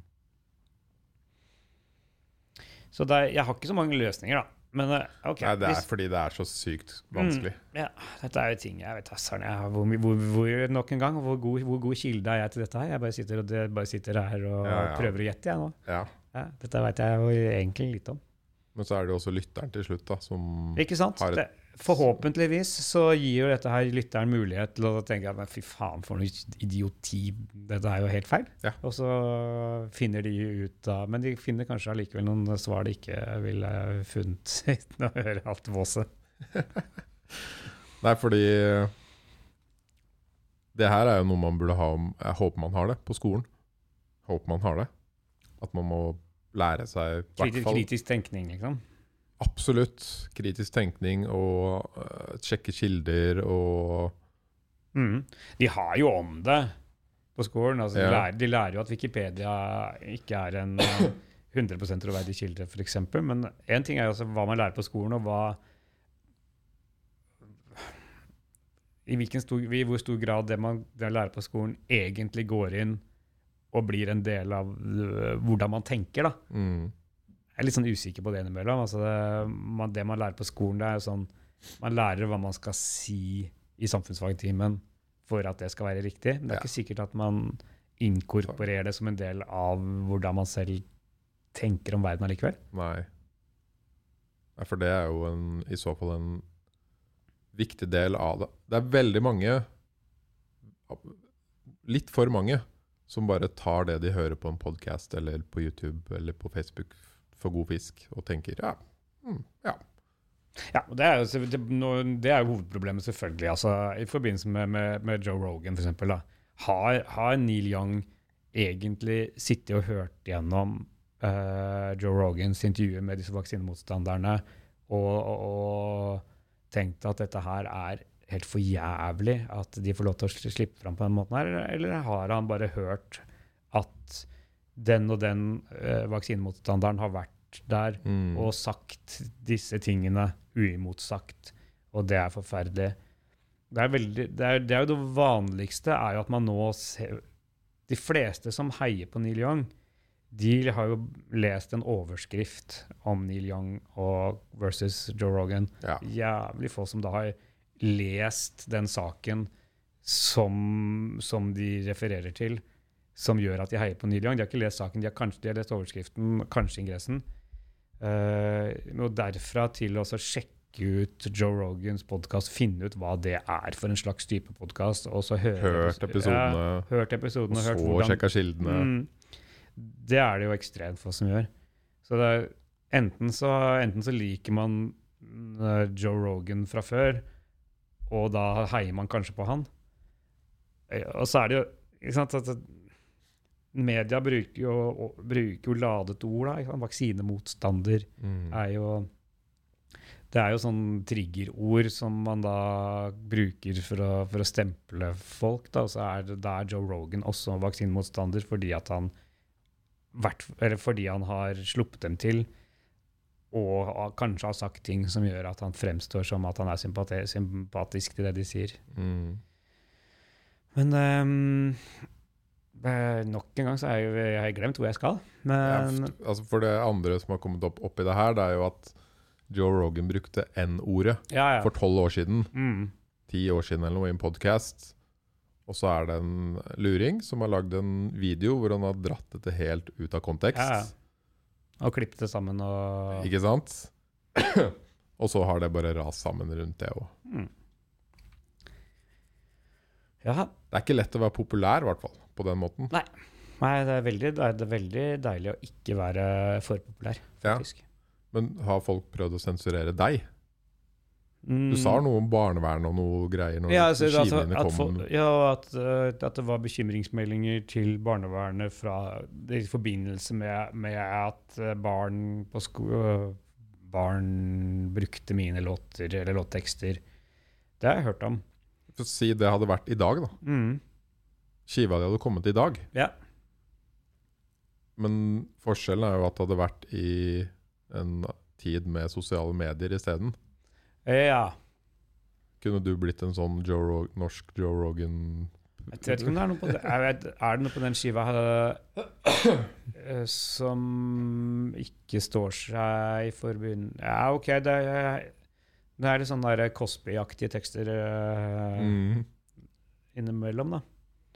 Det er jo Jeg hadde sikkert vært uh, kvinne, kvinnefiendtlig, kanskje. Du tror det? Jeg vet ikke. Jeg, jeg la ja, men Tilbake til spørsmålet om jeg har blitt sensurert. Jeg, når, jeg da, når plata kom, så var jeg jo på Midt i smørøyet, som var liksom uh, barne- og ungdomsprogram ja, på lørdager. Så der, der ville de jo at jeg skulle eh, lage en uh, modifisert utgave av tagging. Mm. Eller var det kanskje til Eller var det kanskje Topp 20? Du var på NRK, var det ikke det? Ja, det var på NRK, ja. Mm. Det er mulig at jeg, at jeg ble invitert enten Topp 20 eller Midt i smørøyet. Så ville de at jeg skulle ha en versjon av tagging uten banning og sånn. Uten, uten tagging. ja. Så det lagde jeg jo. Ja, så du hørte på dem? Jeg lagde en, eh, jeg lagde en versjon, så den, eh, den er gøy, den. Det er det. Ja, jeg syns det. er- Den sang om at, eh, at tagging ikke har kunstnerisk integritet. Eller, eh, så skal vi se sånn er. Tagging er ikke noe lurt. Det er lurere å sensurere bort tabuord fra sangene til artister som skal opptre på TV selv for barn. Altså, ord, ord barn aldri Ord barn aldri vil høre. Ord ord som kukk, fitte, knull og ræv. Ord eh, barn aldri har hørt før, og som de kommer til å skade dem for livet. I hvert fall hvis du hører dem på TV. Altså, tagging har ikke noe kunstnerisk integritet. Har større kunstnerisk integritet å stille opp på programskapernes premisser med en tannløs og slapp versjon av sin egen låt, for på den måten å komme på TV og tjene mer penger. Og sånne, sånne.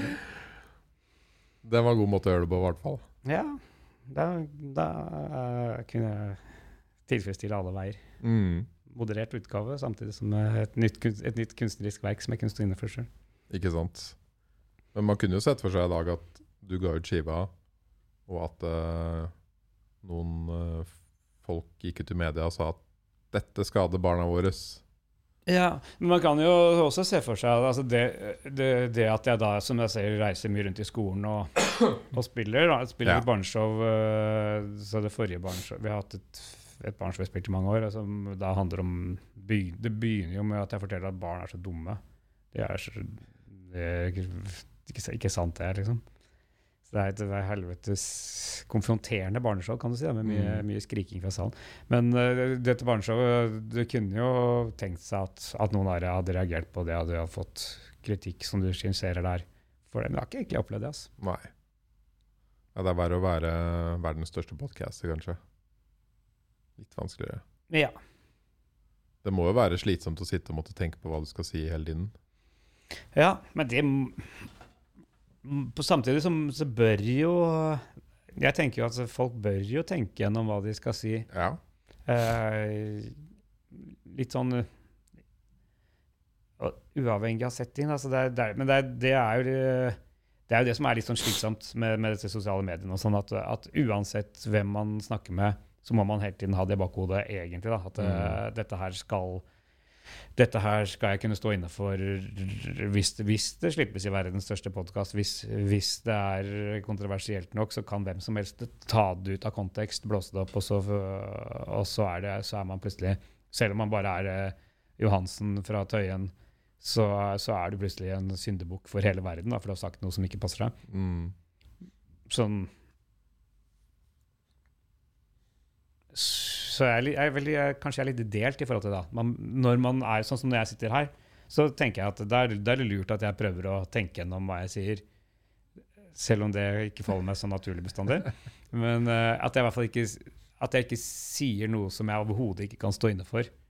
Nei, det er jo smart. Det er smart. Men det er klart, hvis man er i, et, et, et, eh, lukket lag med bare kjente, så er det en fordel at man kan være i en slags safe space Mm. og si ting som ikke er så gjennomtenkt. Og man kan, at man kan si det motsatte av det man mener, uten å risikere at noen har tatt opp, eller uh, at det da kan legges på internett i spott og spe, og så er man plutselig verdens største drittsekk. Ja. Men problemet er også at ting du sier i dag, kan du jo forandre mening om, og verden kan ha forandra mening om det om Ja. to år, fem år, ti år. Og det, det, jeg tenker jo det, En av de aller verste sidene med, med, med den der eh, litt sånn hårsåre greiene, det er jo overfor sånn folk i veldig utsatte yrker, innen ja, politi, brannvesen, eh, i krigssituasjoner, eh, hvor man som en naturlig forsvarsmekanisme utvikler som regel en ganske svart humor. da. Mm. Vi, når det da blir eh, dratt ut av kontekst, og ser på de forferdelige disse, sånn, de, spøker med, med grusomme ting, har de ingen omsorg for ofrene her. Det er jævla dårlig gjort. Overfor de som eh, står i utrolig slitsomme situasjoner, og, og som trenger den svarte humoren for å takle hverdagen sin. Ja. Synes sånn som de som eh, sitter i India og modererer Facebook, f.eks. De, de får nok en ganske De får nok et behov for å ha en sånn morbid humor seg imellom ja. eh, som ikke gjør seg så godt. Hvis man da får høre Fy fader, de Facebook-moderatorene veit jo hvordan de driver og, og, Snakker om- og snakker om disse grusomme tingene. Dattera mi eh, ble voldtatt og drept, og de sitter og ler og spøker, liksom. Men det, da må man ha liksom respekt for at det er, det er eh, de, har, de har en helt for jævlig jobb, Mm. som de, hvor de trenger å, å takle det på sin måte. Og det har ikke noe med, med ofrene eller øh, de etterlevende eller noen ting å gjøre. Men sånne, sånne kontekstavhengige ting, det, det slipper ikke til i vår Det er derfor vi har denne podkasten, for å snakke om at kontekst er viktig. Ja, og innenfor alt dette her, da, med liksom sensurering og politisk korrekthet og sånn, Mhm. det har jo gått veldig utover uh, humor. Standup, komedie, Mhm. har jeg merka i hvert fall. Hvis du ser en uh, spesielt da amerikansk standup-show i dag, Ja. så sier de unnskyld hele tiden for Mm. vitsene sine. Ja, ja. Forferdelig. Har du sett, har du sett den der um, South Park post-covid-episoden? Ja. episoden med, med, med den standupen som da man har i framtida? Det Vet dere hva som er forskjellen på Jesus Kristus og en lesbisk? Nei.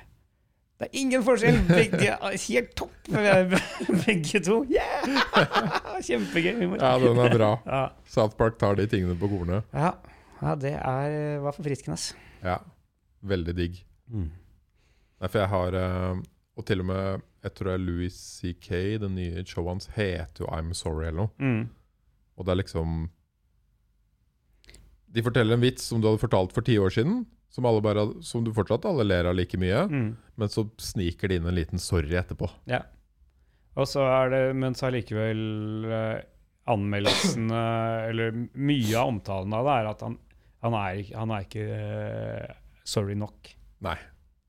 Han sier, han sier unnskyld, men det er ikke en ordentlig unnskyldning. For han legger seg ikke flat nok i humorshowet sitt. Det, det er noe litt sånn Man er litt dømt til å tape. Ja, man er det. Mm. Ikke lett å være Drive med standup overalt i dag. Og så er det heldigvis de som gir helt faen, da. Som utfordrer. Men Faren er jo da at man eh, At man da gir så jævlig faen igjen at det blir litt sånn ukoselig. Ja. Fordi at man blir så polarisert, på en måte. At man, eh, hvis, ved, å, ved å gi faen, så tiltrekker man seg en heiagjeng som syns man skal, da skal man gå enda lenger den andre veien. Ja. Men det eh, Det trengs vel kanskje, da. Du må liksom ha de ytterpunktene litt Mm. for å få litt eh, Ja. Ja. Hva skjer innenfor musikken nå? Driver du og mekker noen nye greier, eller? Blir det noe bare Egil framover? Ja, jeg sitter og spiller inn en eh, Jeg sitter og klunker eh, oppe på kontoret mitt. Ja. Spiller inn eh, Spiller inn en plate, kanskje? For hvor mange skiver er det du har gitt ut med Bare band? Ja? Jeg er ikke helt sikker. Nei, det er ikke Sånn- uvisst. Overkant, overkant av ti. Ja. Noen av dem bare digitalt. Noen, noen bare på CD, noen bare på LP. Nei, nok, ja, skal vi se. Akkurat i går så ble da den, den plata Null, som kom for eh, tre år siden kanskje, den kom bare på vinyl egentlig. Men nå kommer den på CD også, for den ble crowdfunda, en sånn CD-utgave gjennom et sånt konsept som Kristin Falk driver med, som heter Norske albumklassikere på CD. Hvor man tar plater som ikke har vært på Eller hovedsakelig plater som ikke har vært utgitt på CD ennå. Mm. Og så, øh, hvis 150 stykker er interessert i å bestille den, så blir den trykt opp På den, på det hippe og fremadstormende mediet CD, CD-plate. Ja, ja, ja. Så de har jo lagd eh, nå siden i fjor, fjor vinter kanskje, så har de jo finansiert og trykt opp godt over 200 norske plater som ikke har vært på CD før. Eh, og Still Going Strong. Så er det tilsvarende prosjekt på, på LP, hvor plater er mye, mye, Der er det mye fra sånn type uh, uh, Særlig 90-tallet, som ikke har vært på, på LP. Som da blir crowdfunda der. Crowdfunding er kult, altså. Ja, er Når man eh, skjønner liksom de forskjellige måtene å gjøre det på, Ja. så digger jeg det. Det er helt vanvittig kult. Og du får jo Det, det er jo også Før du har gitt ut skiva, kan du vite om Er det nok folk å kjøpe den til at Ja, det er veldig Det er, det, det er en fin forretningsmodell. Oversiktlig og grei.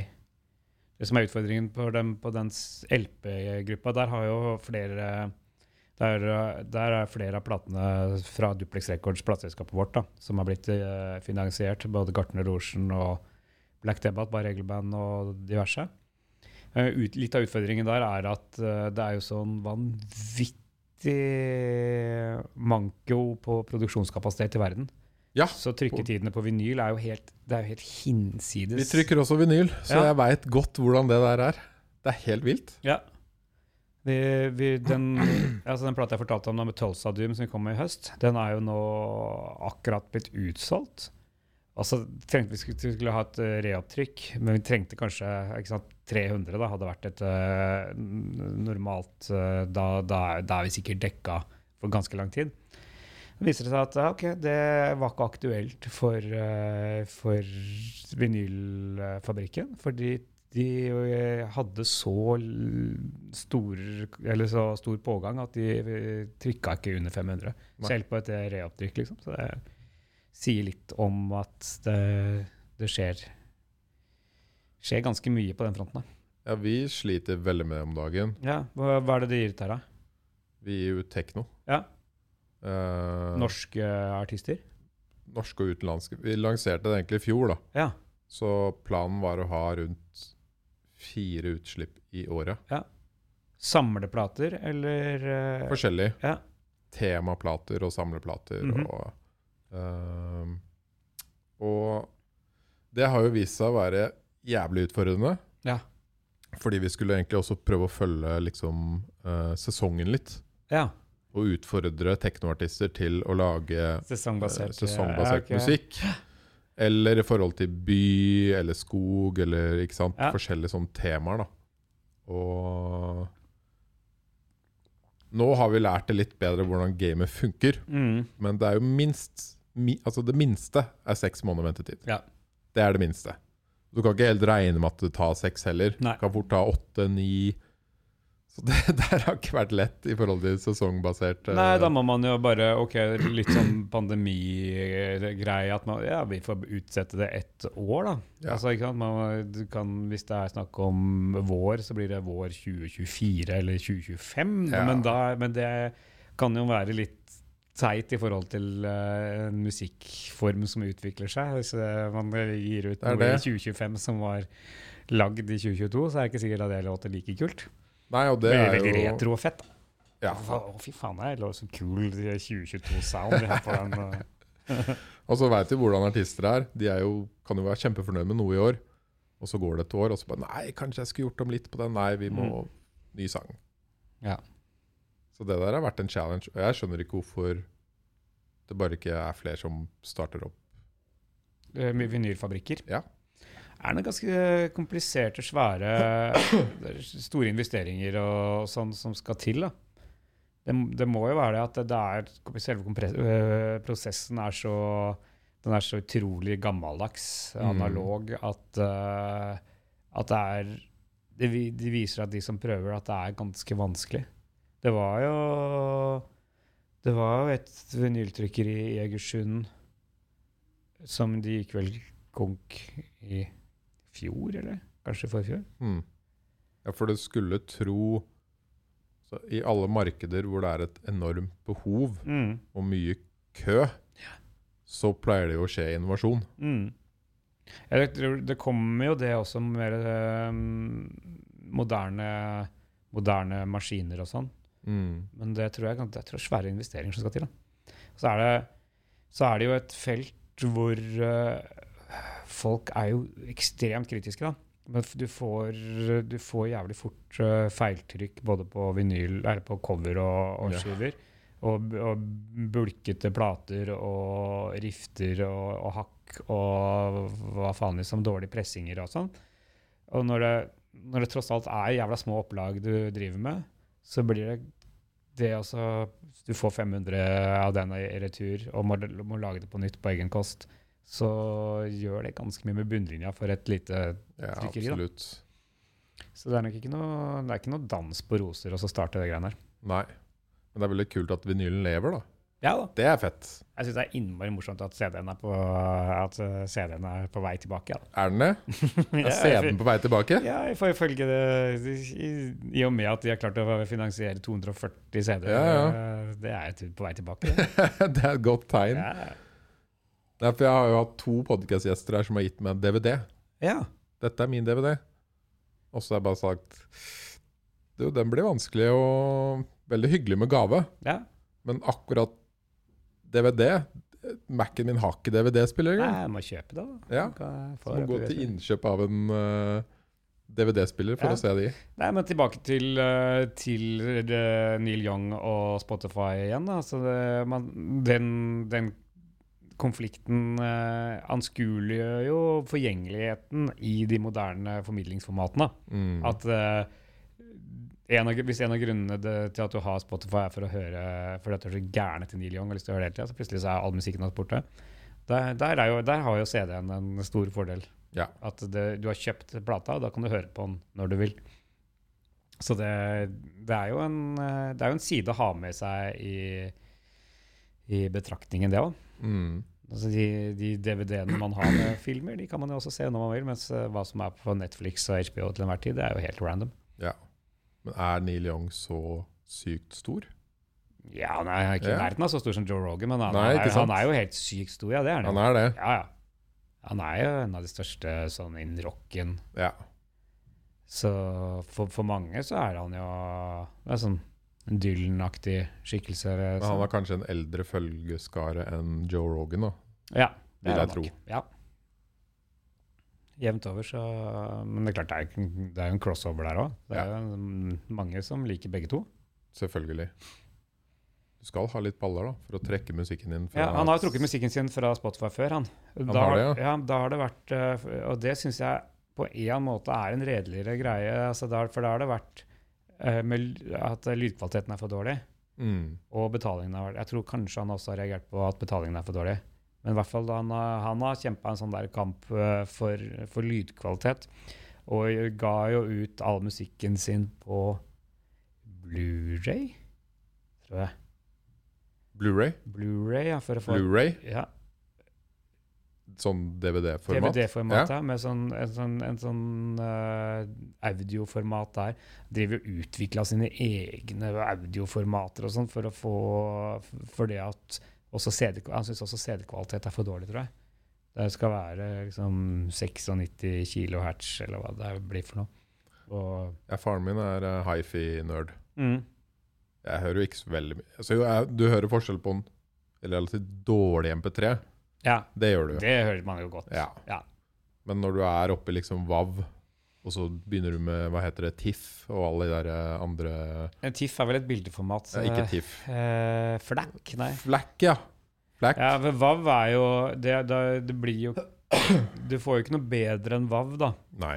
Men det kommer jo an på hva slags eh, hvor, mange, hvor mange bits og hvor mange kilohertz og sånn, da. Kan man jo eventuelt øke på. Mm. Det er 24 bit mot 16 bit, f.eks.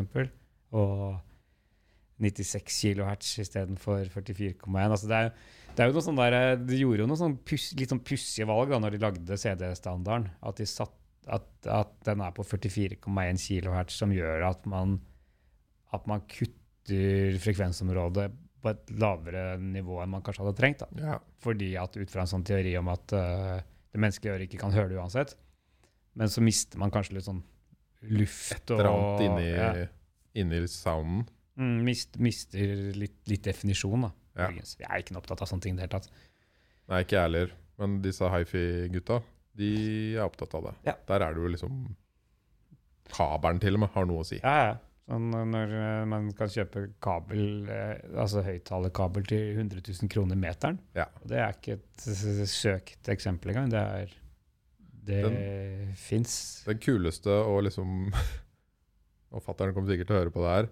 Husker morsomste teorien hans på hvorfor det var sånn bitte litt støy på lyden av og til hjemme hos oss. Mm.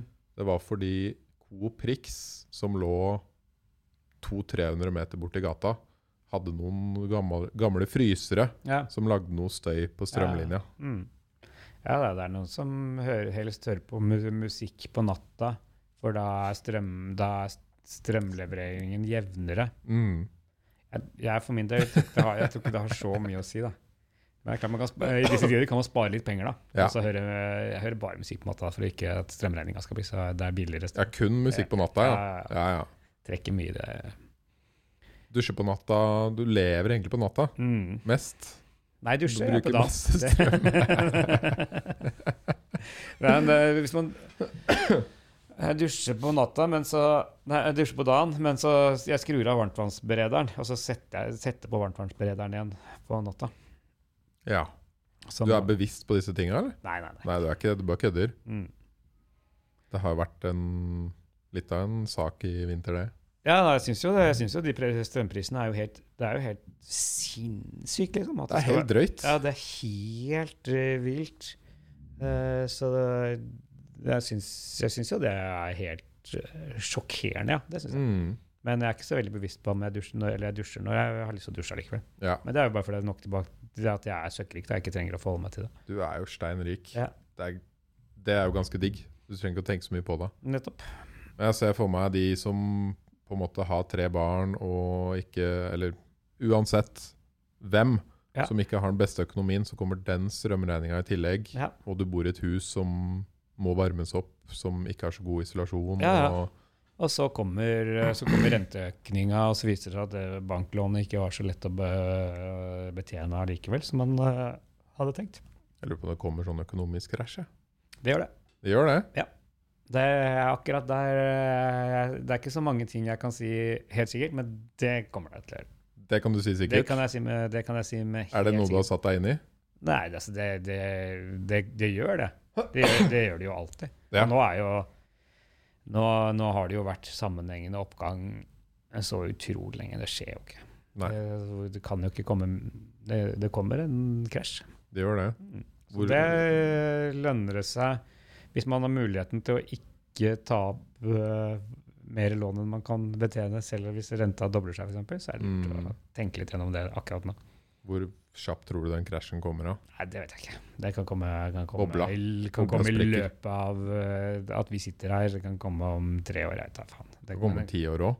Ja, om 100 år. Men uh, jeg, tror, jeg tror det kommer noe i løpet av kortere tid enn tre år, ja. Det tror jeg nok. Mm. Men det ville jeg sagt for tre år siden også, så, det, så jeg er ikke noe troverdig kilde på det.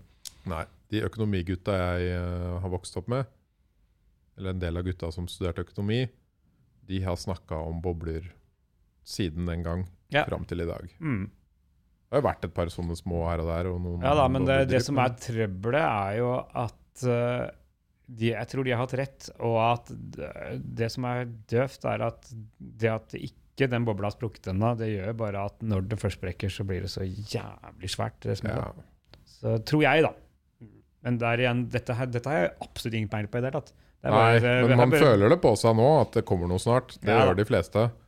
Og Nei, for ikke sant, så- sånn som skal jeg se, når jeg, når jeg kjøpte min første leilighet, da, da var vel renta på 16 tror jeg. ja, det er det mor og far forteller om. Mm.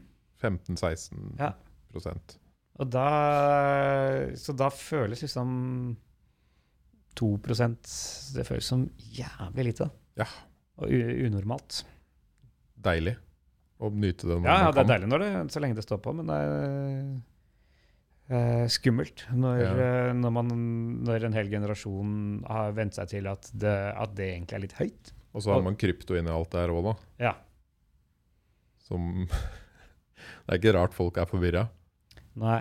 Nei, der er jeg gått eh, Der er, dreit jeg meg skikkelig ut ved å ikke kjøpe masse bitcoin. Altså. det har jeg tapt mye på. Verste avgjørelsen jeg har tatt i mitt liv, er å ikke kjøpe helt utrolig mye bitcoin. Så du har ikke den nye skiva som kan betales med bitcoin, og kjøpe noen NFT-er og Nei, vet du hva, det NFT-greiene det det har ikke satt meg noe inn i det. Men jeg syns det virker så utrolig døvt. Ja. Hva er døvt med da? Du samler på ting online. Ja, altså når det, når det Ting som er, er skapt bare for å være sjeldent, syns jeg er, synes jeg er kjedelig. Ja. Sånn uh, Men vinyl er jo det.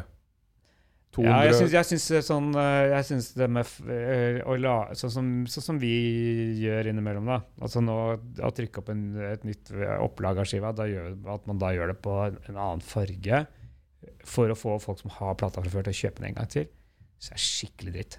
Men bare det i seg selv, å bare gi ut 200 skiver, er jo ganske 300 skiver, eksempel, er jo Ja. ganske unikt.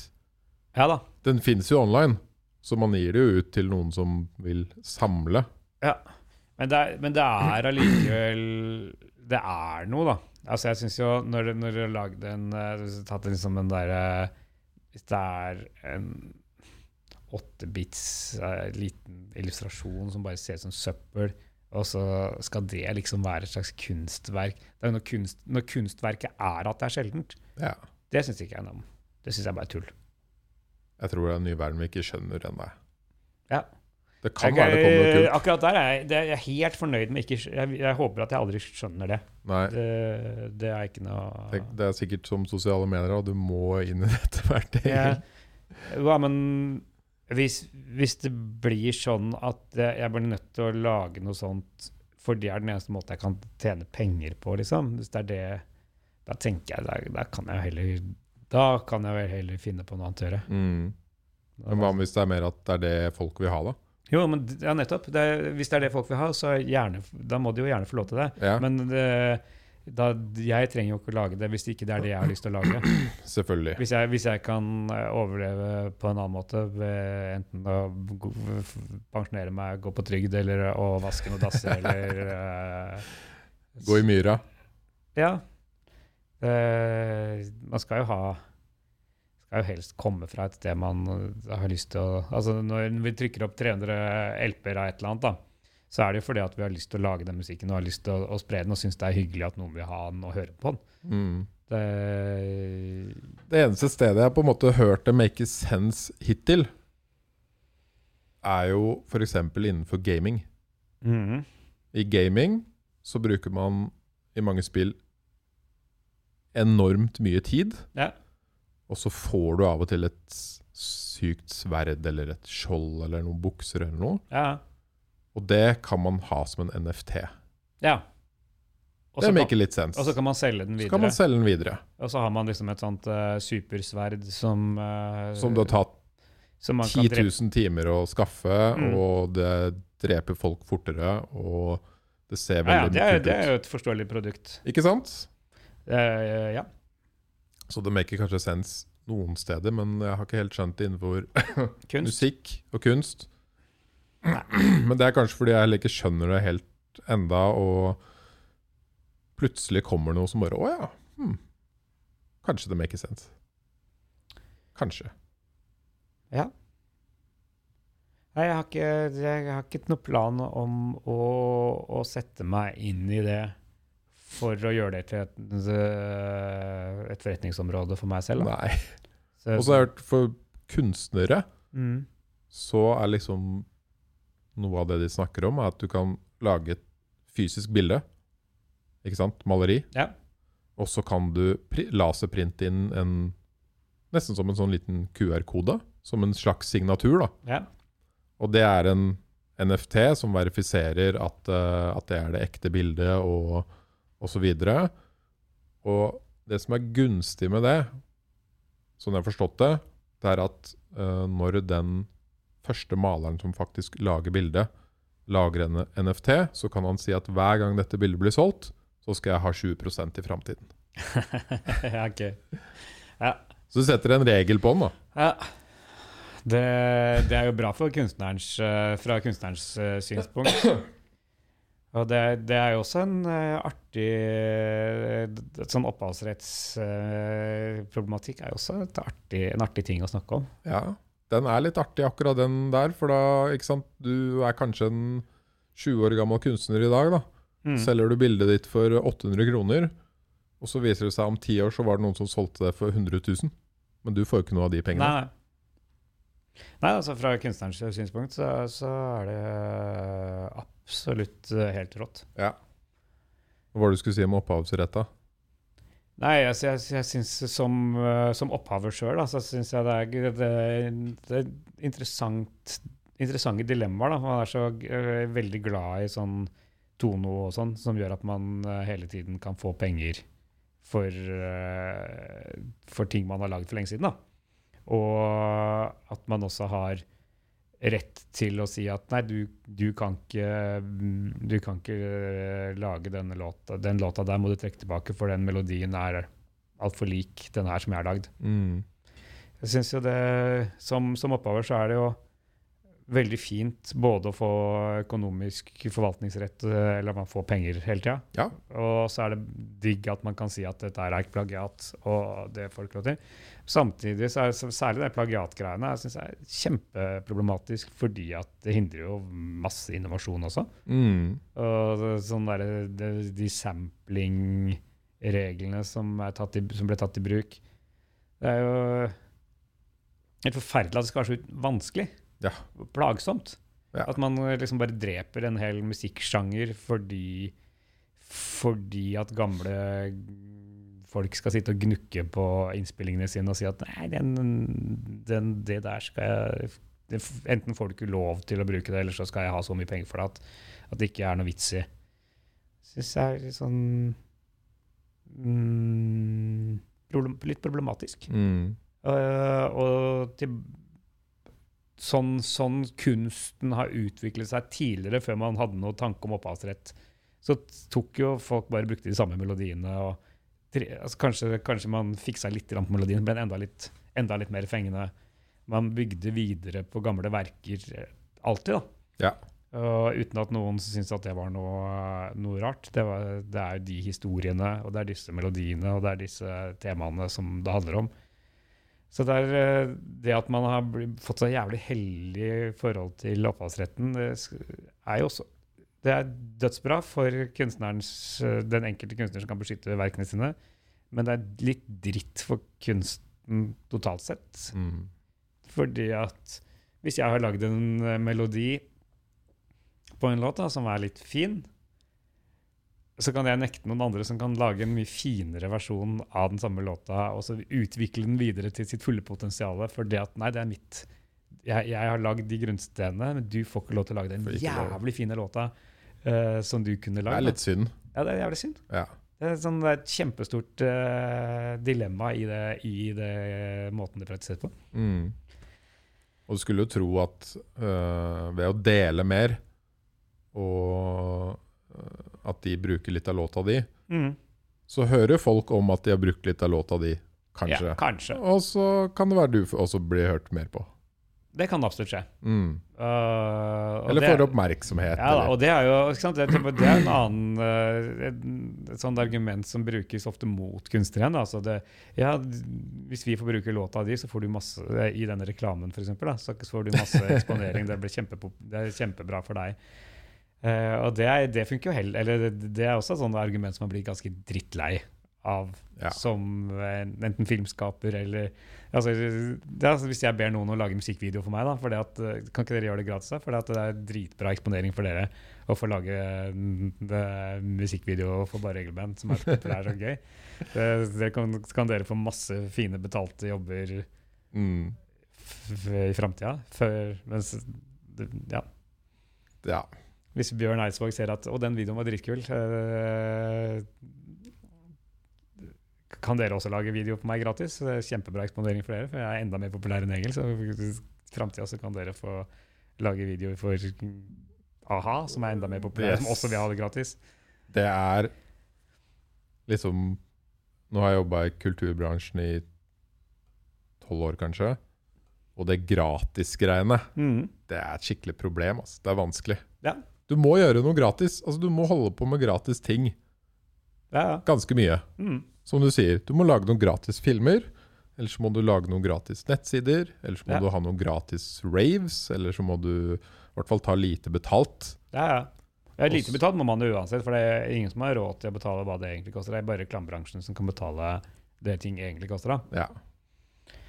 Men det går, det går liksom en grense for hvor, hvor Altså hvem, hvem er det som skal Hvem er det man skal jobbe gratis for? Mm. Det, men det, det er alltid noen, un, noen yngre enn deg som ikke trenger penga i så stor grad. Da. Som, og som er, som er hypp på å komme inn på markedet. Og det er Ja. Så det, Så er man jo i Man er jo ofte i det, i det gamet fordi at man liker å drive med det. Så det å få muligheten til å jobbe, bare det å få lage noe for noen som man har lyst til å samarbeide med eh, i et kreativt miljø, det er gøy i seg sjøl, liksom. mm. I starten. Og så plutselig så finner man ut at man bruker ganske mye tid på å jobbe gratis for folk som, som egentlig Noen av dem tjener jævlig mye penger sjøl, da. Det er da egentlig Ikke sant? Som du sier, når du er ung og keen på å få ut det du lager, så er det greit å jobbe litt gratis. Og liksom, det er det du vil selv, kanskje. Mm. Du vil komme deg på noen scener, du vil være på noen konserter, du vil få ut kunsten din. Du må, du må liksom ta litt tak og gjøre kanskje litt jobb gratis. Ja. Og det er greit, for så vidt. Og det, det, det er på en måte en verdi for de folka. Men øh, hvis det på andre siden sitter noen, som du sier, og bare graver inn penger, Mm. så begynner man å tenke litt Og, ah, Ja. Er det, altså, hvor, hvor, altså hvis, jeg, hvis, jeg, hvis jeg skal jobbe gratis for disse her, no, hvem, hvem, hvem skal da betale meg noen gang, liksom? Mm. Men det er sånn det er sånn, sånn er eh, Vi lever jo liksom en kunstig boble i Norge hvor, vi, hvor faktisk veldig mange får betalt litt for det de driver med. da. Ja. Mens man ser sånn norske band som reiser nedover i Europa og ser hvordan verden egentlig er. Hvor man da alltid er på jakt etter å komme seg et, nivå opp. Hvor man betaler, man betaler penger for å få lov til å være med som supportband for et litt større band. Og så, så bygger man seg opp en liten fanskare, sånn at man kan reise ut på en ny turné hvor man betaler et enda litt større band enda mer penger for å være med dem på turné. Og det, det er alltid hele tiden Det er alltid større investeringer som skal til for å komme et eller annet nivå opp. Men det er Mm. aldri Det er aldri noe penger å tjene. Nei. Det er alltid bare snakk om å bruke enda mer penger for å komme enda litt opp. For det, det er bare noen få helt på toppen som, som tjener penger, da. Mm. Jævla Nok en gang. Jævla dritt. Det er på toppen, ass. Ja, det, er litt... Du er jo en av dem da, Egil. Jeg er en av dem. Du på er en av dem på Ja, ja. toppen. Så Nei, men jeg er jo ikke så innmari mye ute og spiller eh, internasjonalt. Så jeg slipper å I Norge så, så, så er det jo litt mer at man kan spille på bra utstyr og, eh, ja. og, og faktisk få betalt for at man spiller. Det Mm. er veldig hyggelig. Men Egil, jeg er jo veldig glad for at for det første for at du er rik. Det er bra, det er jeg også. Ja. Og så er jeg veldig glad for at du har vært innom her i dag. Det har vært veldig hyggelig. Ja. Jeg, håper at eh, folk har fått utrolig mye ut av disse kloke betraktningene mine Ja. om podkast og opphavsrett. Og, Det har jo vært en sånn fin, digg mo- morgenkaffeprat. ja, Åpen morgenkaffeprat. så får jeg håpe at, eh, at ikke folk har blitt eh, Altså hvis, hvis, eh, hvis noen har blitt støtt eller krenket, Ja, så, si sorry nå. så vil jeg eh, beklage det. Det har ikke vært, i hvert fall ikke vært min intensjon å, å tråkke noen ned. Innenfor alle temaene vi har snakka om. ikke sant? Absolutt. Alt du har sagt. Alt jeg har sagt, har vært, eh, det har vært sagt i beste mening. Og jeg har virkelig eh, ikke ønsket at noen skulle bli lei seg. Du må ha med det med tid òg. Over tid. Ja, jeg vil, jeg vil at folk skal høre på dette her og, og tenke at det var tross alt i 2022. Ja. Vi visste kanskje ikke bedre. Ikke sant? Og med det så takker jeg for samtalen. I like måte. Vært kjempehyggelig.